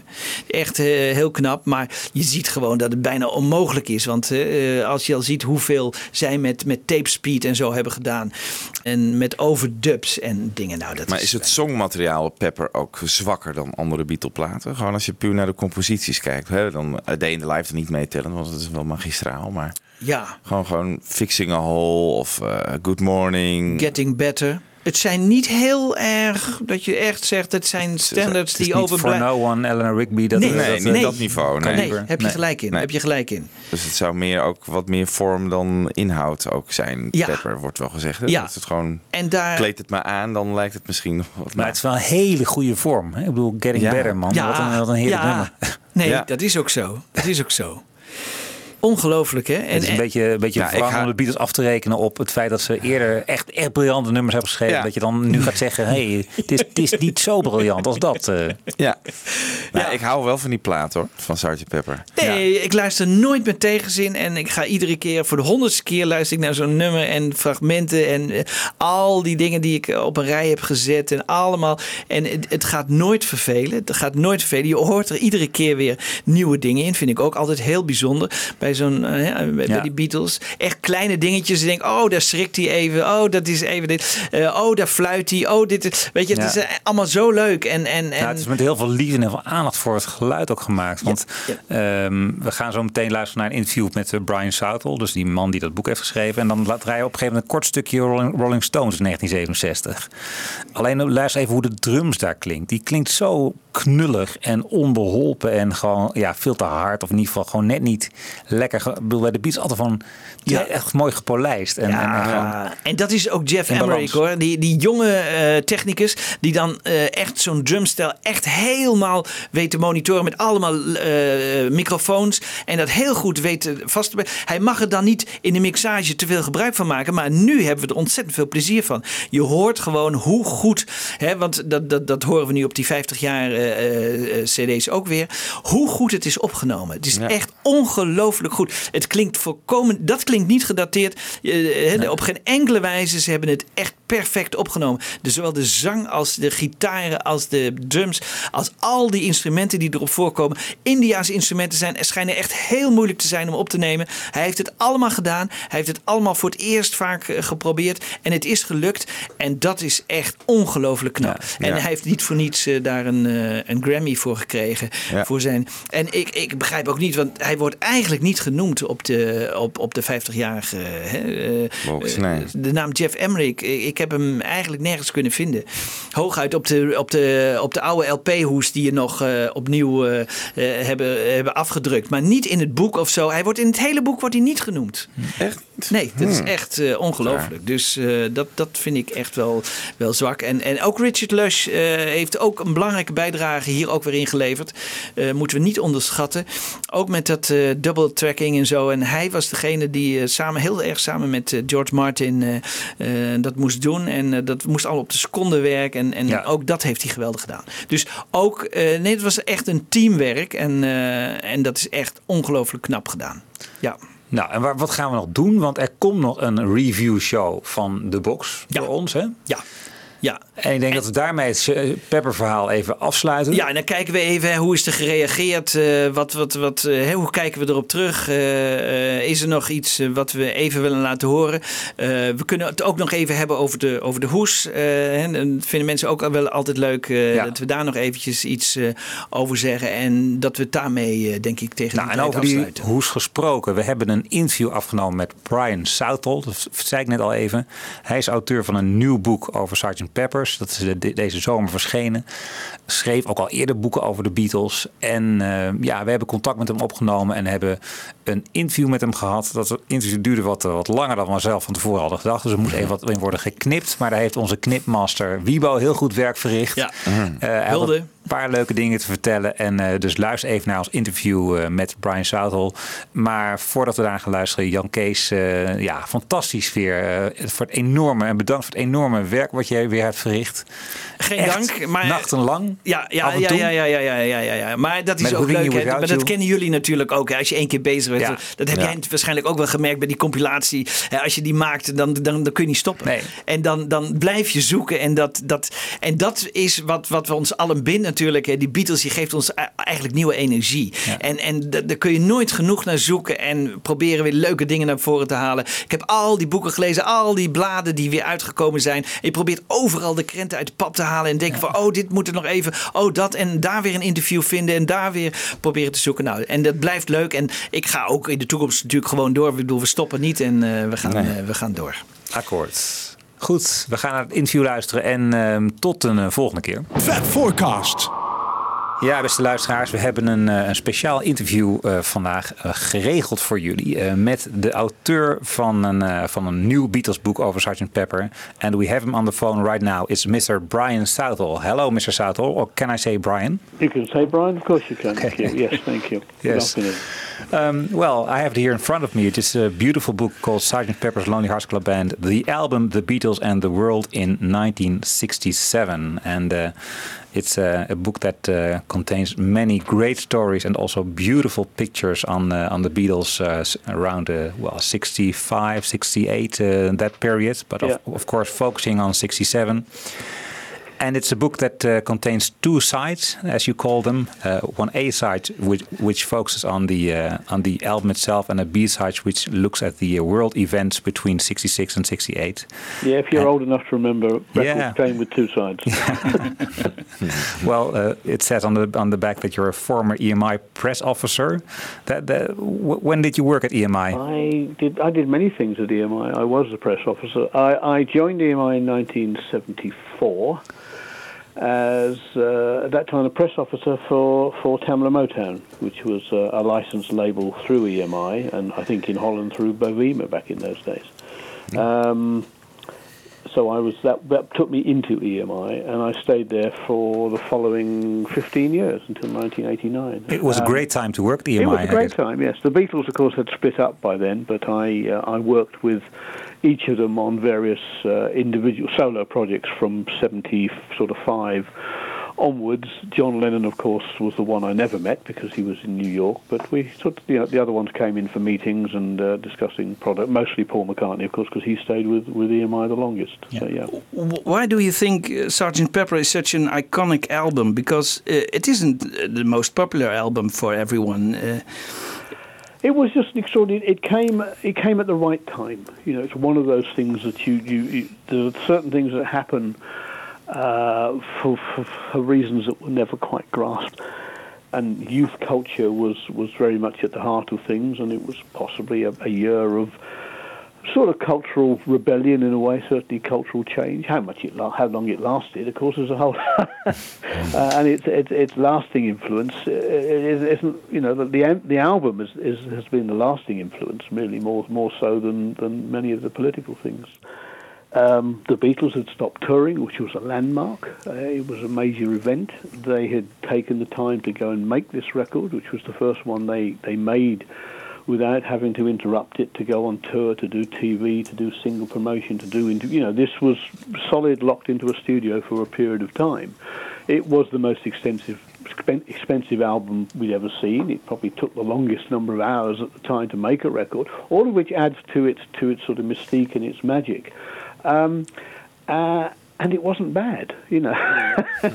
and musically, yes, there will always be people who tell you that Revolver was is Yeah. is, is their greatest album, and it, and you can see where that comes into Sergeant Pepper. Um, technologically, st- I mean, irrespective of the songs and irrespective of the Beatles, what went on in that studio in terms of double tracking, in terms of the experimentation, in terms of whole new, not not new tech, well, the, the use of a new te- of new technologies with with um, you know double tracking particularly, and um, and I, I, and it, its lasting impact has been continued by the by, by producers and engineers. You know, you talk. I mean, one of the people I inter- interviewed for the book was Chris Thomas. You know, who went on to produce Sex Pistols and Roxy Music and whatever, and he said, you know.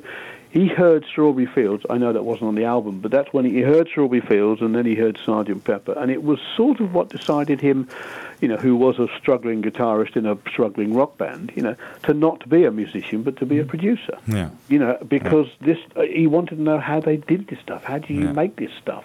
As Paul was influenced by the Pet Sound and the Beach Boys, lots of other people. You know, I you know recently I think Harry Styles' new album has got references to Sergeant Pepper on. He's talked about it. So it continues to have that extraordinary uh, influence. Uh, you know, not just through its songs but through the producers and engineers and other people who are still making music. You know, Alan Parsons, who was who was you know engineered later Beatles records. It was a record that turned him into a producer. You know, so you know its its its impact is not just with us as fans and audience, but also with you know, the people who make music in studios who, who were just just moved by you know hmm. what it what it what had been created. Yeah. Some people have accused the Beatles of being too self-conscious with this album, with the layers of sound and the recording hours and the cover, and Mm. and also egoistic by not touring anymore, and uh, therefore alienating their fans. Um, were the Beatles being self-indulgent with Sgt. Pepper? You think? No, I don't think so. I think they'd reached a point. I don't think they stopped touring to make Sergeant Pepper. They stopped touring because they because they didn't want to tour. You know, they may have alienated some fans, but you know I, that the world moves on. Yeah. But I do think that, and I don't think they were egotistical. I just think they were now finding out, as George Martin said, you know, they were finding out how the knobs and levers worked. Hmm. You know, they were Yeah. try- trying to work out. You know, they Pushing they- the they- envelope. Right. yeah, you know, they they still needed George to do many many things, but they were very interested in sort of working. out What happens if we do that? Can we do that? You know, can we can we do can we make this on top of that? Can we layer this? Can we do that? Can we change the speed of that? You know, something like you know, a day in the life, two two songs which were written, you know, almost separately. And linked together by George Martin, you know, with a piece of genius by stretching the tape and changing the speed and all that stuff. Um, but you know, if if they hadn't been in the studio playing, experimenting, you know, that sort of stuff would have been lost. So I have I have no criticism of them at all, and I just think it was the music at the end of the day is is is what they're there to create and produce, and how they do it is is best left to them. I think. You know. Okay, and uh, well, you also write in the book extensively about the cover art. So let's talk a little bit about Yeah. that. Um, I think it was always uh, by popular account that Peter Blake designed the cover and uh, basically uh, put all the uh, the dolls together. But in your book, you really uh, extensively uh, make the point that it was also uh, Jan Hayworth, his wife, the wife of Peter Blake, and Robert Fraser had a big hand in the. Yeah, I mean, Jan is Jan and Robert Free, Robert Freeman and Jan are both credited on the album and were at the time, so you know they were there. Um, Peter was, I mean, Peter.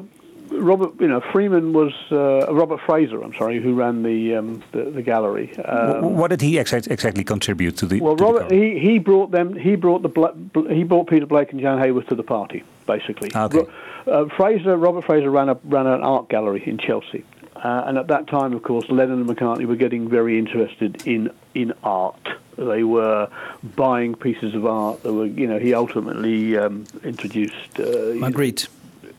yeah, and also you know John and Yoko got together and you know through that sort of. But he he ran an art gallery uh, uh, where Paul particularly was, was, was interested in art and was buying stuff, and Robert Fraser was he was a friend of, of Mick Jagger and, and, and Marianne Faithfull or whatever, and all part of that uh, that sort of little coterie of, of people. Um, and he, the the Beatles sort of spoke with him about the album cover and whatever else, and the idea that they had, which was mainly McCartney's idea.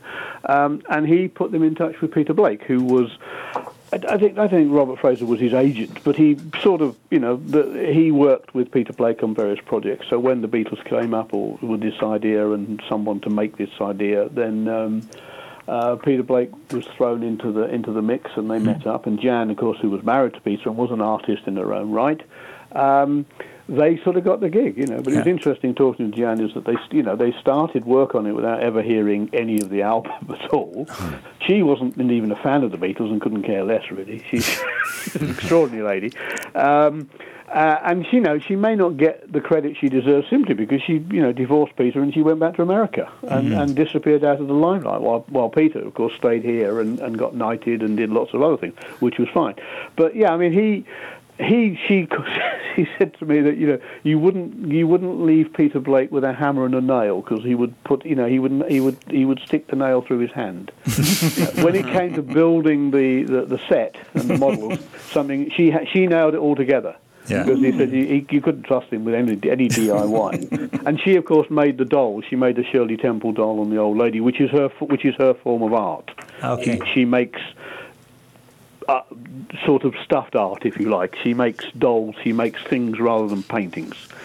So she created, but the, yeah, the, and the idea of the. So she uh, made the uh, the doll that's on the right with the, the, the, the sweater with "Welcome the Rolling Stones" on. Yeah, she didn't know where the sweater came from. That was Shirley. That's Shirley Temple. And I said, "Where did the sweater come from with Rolling Stones on it?" She said, "I don't know." She said, "I think it." She said, I, "The, the Michael Cooper, the photographer, had a son called Adam."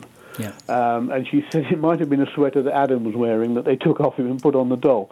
She couldn't remember. Um, and, and was she also responsible for the coloring of some of the dolls? Yeah, well, they, they, they were both involved in the colouring of the album, and, and you know her criticism at the end of the day was was that it wasn't as bright and uh, and as sharp as they wanted it to be, and part of that was because uh, they didn't see.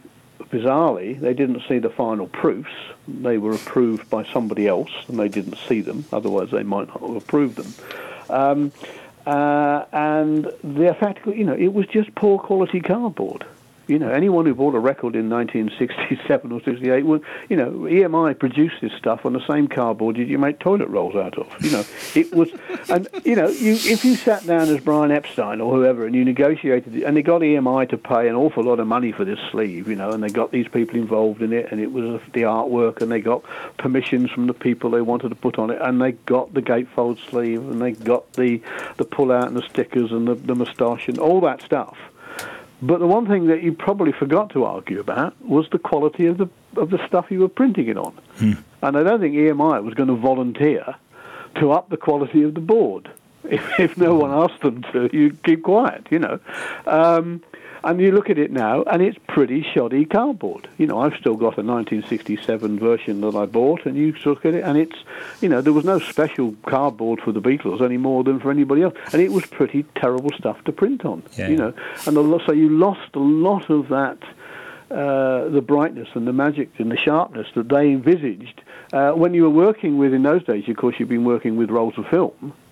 You know, uh, so you'll be looking at, at rolls of film, and it would be bright, and it will be clear, and it will be, you know, even negatives, or you know, uh, uh, um, you'd be looking at stuff, and it will be, you know, it, it would appear to be bright and colourful, and then you stick it through a printing process, uh, and it and it lost some of its luster. So yeah, the, the, you know, they were sort of disappointed.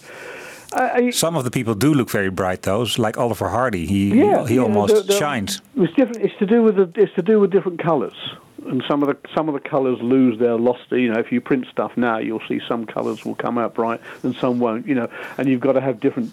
Uh, the because you know it would all be done with with by inserting ink into a printing press. Yeah. You know, so you, you certain colours will always come out brighter. But it was, um, you know, but we as fans.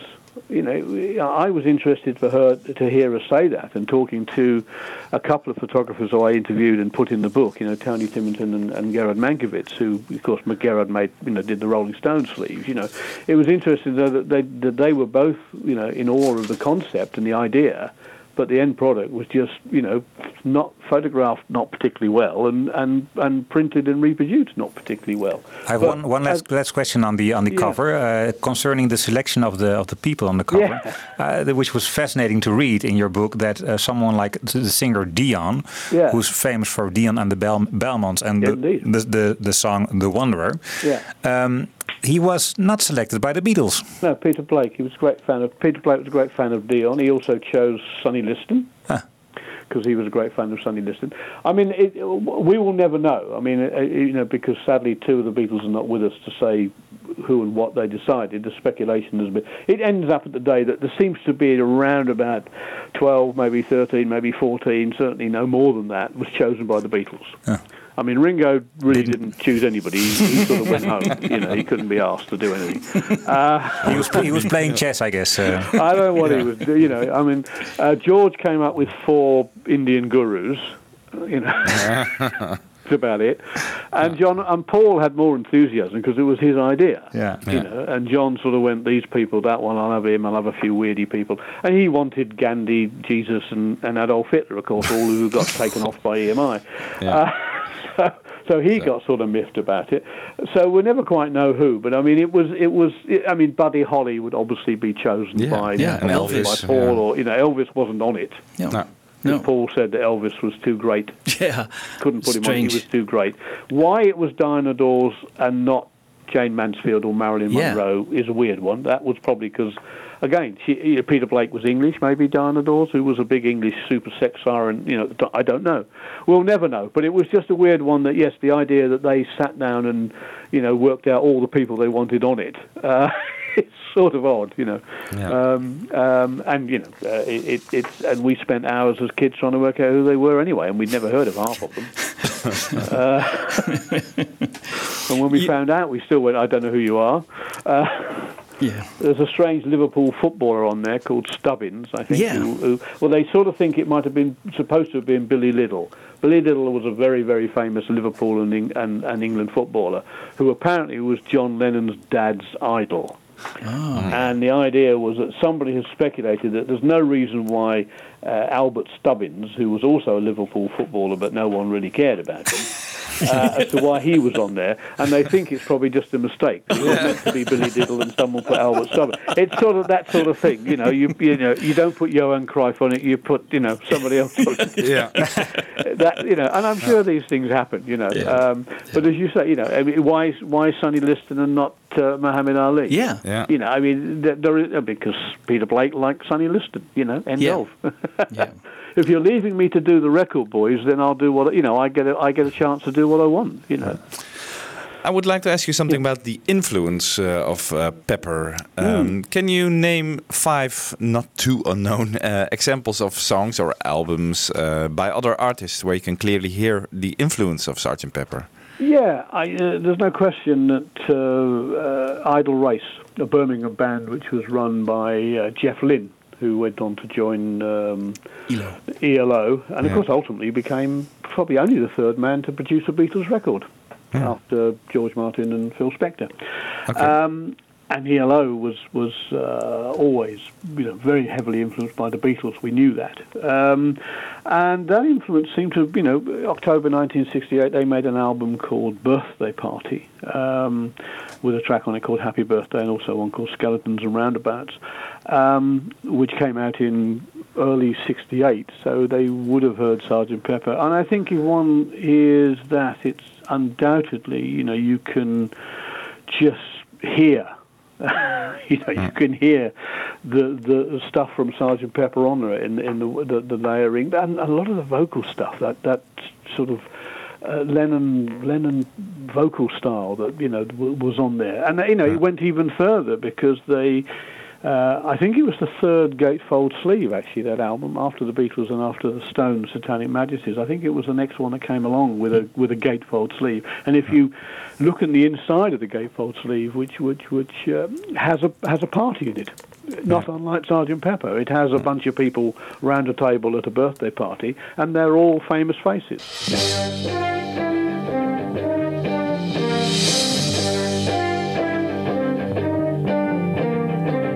She had a birthday yesterday, she cried. Took off her glasses, let her hair down, cried.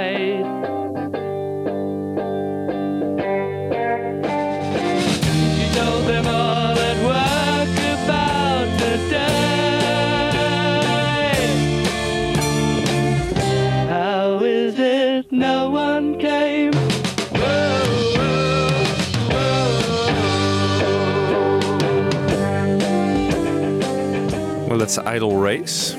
That's she's leaving home almost, isn't it? Yeah. It is funny. I'm just looking at the cover right now, and it's uh, also Ringo Starr sitting at the table. There you are, you see. Yeah. yeah, the Beatles were there, and Buddy Holly and a bunch of DJs and some actors and stuff. Yeah. Okay. Oh, wow. it's a fun cover, yeah. Yeah. So and it was supposed to be the front cover, but it was uh, changed, and it became a gatefold spread in the middle. But there you go. Okay. So that was Jeff Lynne we heard Yeah, singing. Jeff Lynne was the lead singer on the Idol race. Yes, it was. Uh, Okay. And uh, the, the next one, I see something by the Hollies you selected. Yeah, the Hollies, by their own admission, made an album called Butterfly, which was uh, in uh, October '67, uh, only you know few months after Sergeant Pepper. But the the whole psychedelia thing and, and, and Strawberry Fields and leading into Sergeant Pepper had a huge influence on, on, on Graham Nash, particularly. Uh, the rest of the band were a bit sort of cautious about where this was going, uh, and, but Graham was heavily into the whole psychedelia thing and and where the Beatles were going and where music was going. And they, the rest of the band, allowed him a very free hand with this particular album, uh, and and lived to regret it because it was a complete failure. It, it was, I think, the first record that didn't chart in the UK or in America from them as an album, um, but very heavily influenced by uh, by the Beatles. I mean, it, it King Midas in Reverse was the single at the time, which wasn't on this album, which was another Graham Nash, uh, uh, you know, nod, uh, nodding his head towards uh, San Francisco, you know. But you know, this record failed, and it, it sort of led to the end of the Hollies because within uh, within a couple of years, you know, Graham had gone, and, and, and the band went back to making pop records. But Dear Yeah. Dear Eloise which is one of the tracks off this off this record, is another one that you can quite hear quite you know easily uh, hear the influence of, of uh, Sergeant Pepper on it and, and the whole psychedelic movement. Let's have a short listen. Writing a letter to make you feel better. Sorry to hear that he left you that way. I could have told you he was much older,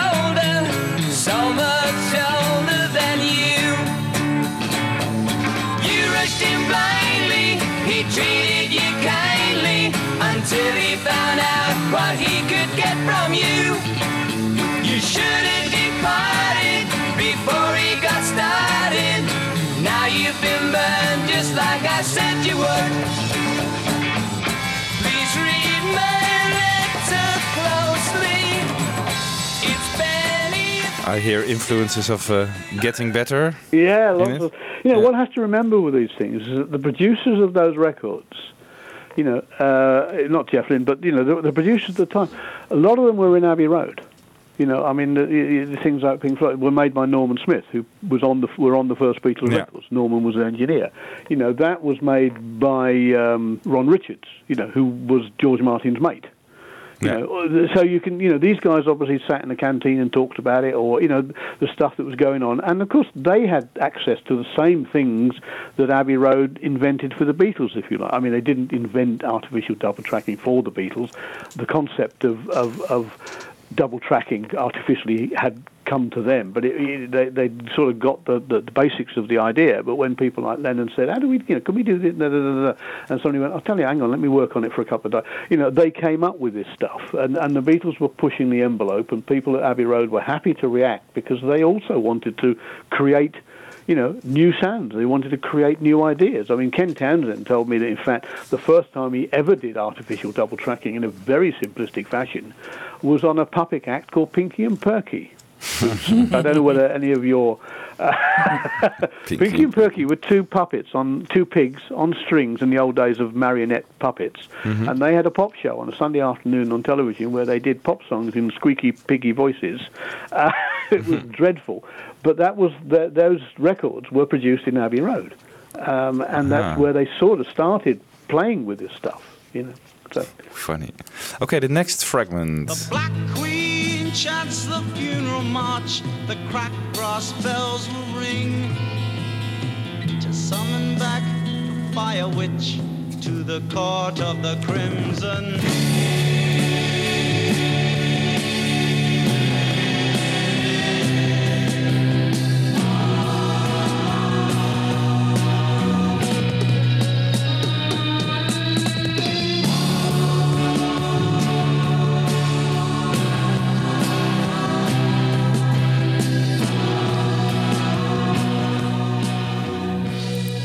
King Crimson. Yeah, you know, a touch of day in the life, perhaps.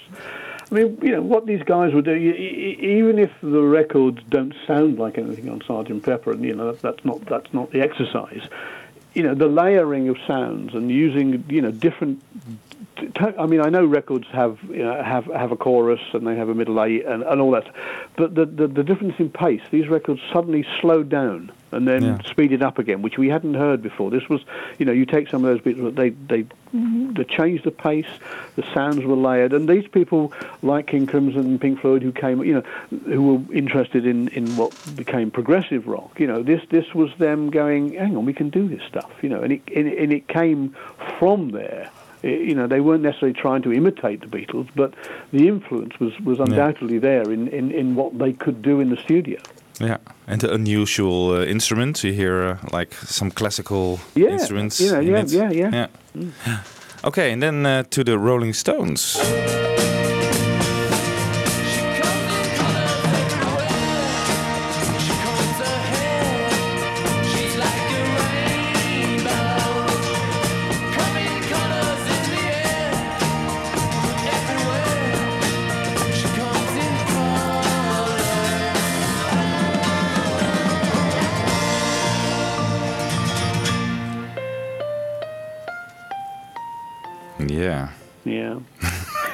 it, I mean, the bizarre thing is, it didn't really work for the Stones. No, it didn't. They weren't, No. you know, they went back to making blues rock records after this. It was, Yeah. you know, and I think Keith Richards has said, you know, famously said it was a mishmash of rubbish. Yeah.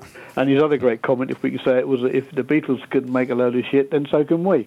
uh, you know, he, he he wasn't moved by Satanic Majesties. The cover, of course, was also arguably, a, you know, a, a, a pastiche of, of, of Sergeant Pepper, although there weren't so many people on it. But it was it was done by, photographed, of course, by Michael Cooper, who Ah, yeah. photographed Sergeant Pepper. And the Beatles are on it. Huh? Yeah, On the and he got yeah. that. high- You know, it was a 3D sort of sleevey thing. But yeah, I mean, it, they, they didn't really, you know, they and they followed "All You Need Is Love" with their particular thing, which I can't remember the title of it. What We? Love You, We love you. Yeah, you know, they, Yeah. they- I, there was some somewhere along the line they got this idea that they, you know, should do what the Beatles did, and, after, and I don't know why because they stood. You know, on their own, quite happily as a as a s- sort of different blues rock band than the Stones than the Beatles. But you know, it was a weird weird concept. It didn't really work. Well, they came to their senses pretty quickly. Yeah, uh, well, they yeah. went back to doing what they did best. Yeah, sure. Uh, the next, uh, Pink Floyd. Hmm. I catch you by the eye, then I stop and have to think what a funny thing to do, cause I'm feeling very pink. And oranges.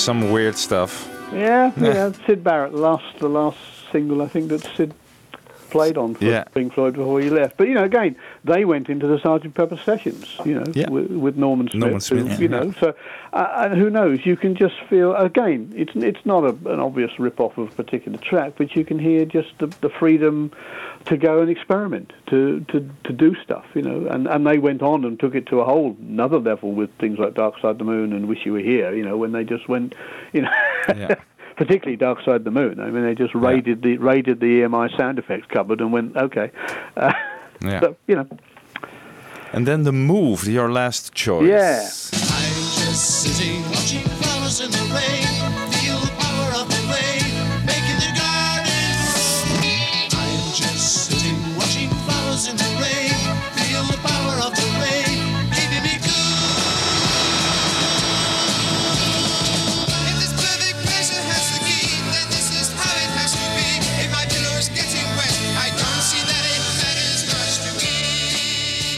Think this song is familiar for a lot of our listeners. I'm a big fan of Roy Wood. I think he's a bit of a pop genius. Um, but yeah, I mean, he was you know heavily introduced, influenced by psychedelia. But again, you've got there, you've got sound effects. You've also got things like oboes and French horns and clarinets on there. You know, it was it was again the the, the thing that Sergeant Pepper did for those people, and and and and, and even you know not forgetting Strawberry Fields and Penny Lane, which were created to be part of Sergeant Pepper, was the freedom to go and experiment, to play. You know, you can put these things on there. You can play, put other instruments on there. You can, you know, you can do this stuff, and at the end of the day, it might sound okay. yeah. You know, and and it was a time when. Because of psychedelia, because of all this stuff that was going on with Frank Zappa and the Mothers of Invention and Captain Beefheart and all this stuff, you you know there was a movement going on where you know and, and the, the, the Technicolor Alexandra Party things were going on, and we had Arthur Brown, and, you know all this stuff was now becoming acceptable. You know, it wasn't just people. First reaction was they've gone weird, and then you went, okay, it's quite, it's really quite interesting. You know, there comes a point when you don't need sort of twelve minutes of it, but you know, Yeah, yeah. uh, it, it, you don't, you know, you don't just dismiss it out of hand because it sort of sounds different. You know. Well, we have a listener uh, who writes a column for our uh, Facebook uh, page. She's called uh, Anne Hurekamp, and she wrote a, a column about uh, the piccolo trumpet in Penny Lane and the influence it had on uh, uh, some familiar songs. Uh, we play a, a little collage of those songs now. Well,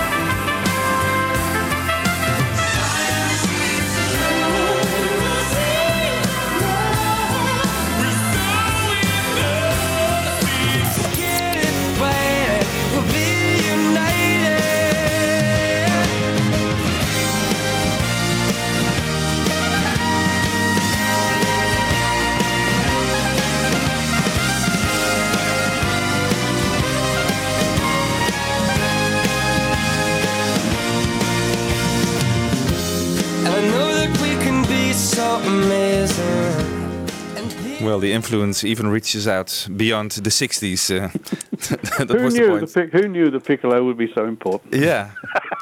Don't ask me to name them. Oh no, you don't know uh, the artists we played? Not all of them, no. Not. all. It was um, Phil Lynott. We had uh, after that New Kids on the Block, and after that Tears for Fears and Michael Bublé. No, I didn't get Michael Bublé. I should have done. I worked with him at Warner's. I should have gone. I'm not a big, not a big fan of Mr. Oops. Bublé. So there you go. That's that's my personal problem. And do you have a personal favorite on Sergeant Pepper? you must have. Sort of have lots of personal. No, well, I don't one. have lots. Just I, pick no, one. I don't know. Oh, well, uh, I want the intro, Sergeant Pepper. The opening bars of Sergeant Pepper, you know, are just wonderful. I love just the opening of it. And then you've got to go to a day in the life, which was just the most extraordinary. You know, if if you don't have, I'd have chosen Strawberry Fields if it had been on there. Uh, but a day in the life, which is just the most extraordinary piece of work. You know, with the, you know, I listened to as a 19-year-old and thought, what the hell is going on here? And you had the opportunity to read the lyrics of, you know, 4,000 holes in Blackburn, Lancashire, and blew his mind out in a car. And you go, what on earth is all that about? and then you sort of got to grips with it, and you understood it, and then you realize, you know, then you realised uh, um, how it was made, uh, the, the technology involved, how George Martin contributed to making this thing work as almost two separate songs, and you just go, it's extraordinary. Are you going to write a book about the White Album too? I have no idea. You have to ask the publishers. We might do. We, we, Yeah. we, we, we are now looking at the idea of doing other albums in other years, not just for the sake of it, but as long as they work and there's enough. Yeah. You know, we might do the White Album, we might do Dark Side of the Moon, we might do, you know, other ones. along- They won't necessarily be all be Beatles albums, but the, No. the, the, the idea, the concept has sort of taken off quite successfully. So we might we might play with things. Yeah. Well, we're looking forward. Okay. My pleasure. Thank you. Thank you very much. All right. Take care. Wednesday morning at five o'clock as the day begins. Silently closing her bedroom door, leaving the note that she hoped would say more. She goes downstairs to the kitchen, clutching her handkerchief. Quietly turning the back door key. Stepping outside, she is free. She, we gave her most of our lives, is leaving. Sacrificed most of our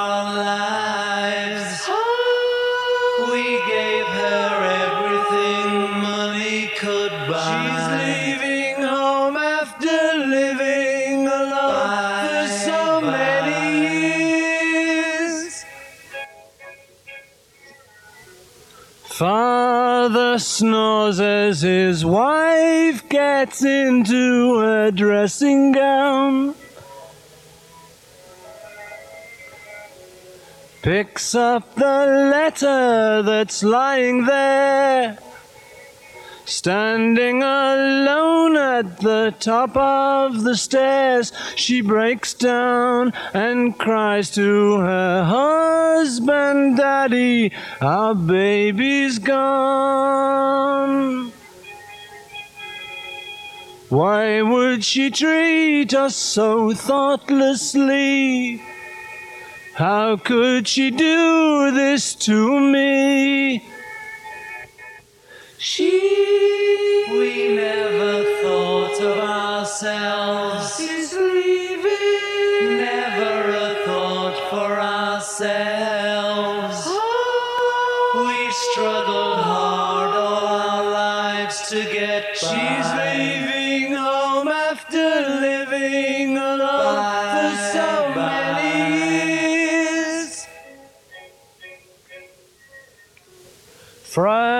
Friday morning at nine o'clock, she is far away. Waiting to keep the appointment she made. Meeting a man from the motor trade.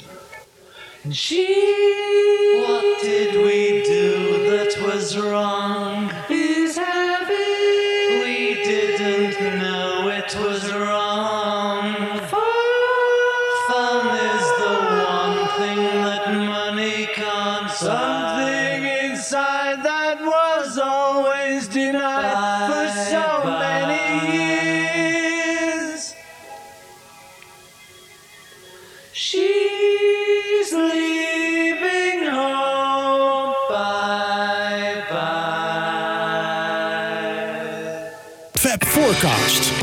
Luister ook naar Fab Forecast via beatlesfanclub.nl.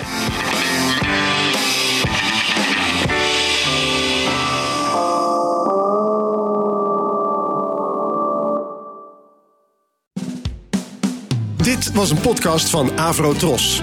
Wij maken tientallen podcasts per week. Van klassiek tot pop, van actueel tot archief, van reguliere radioshows tot speciaal voor podcast gemaakte programma's. Kijk voor meer podcasts op avrotros.nl.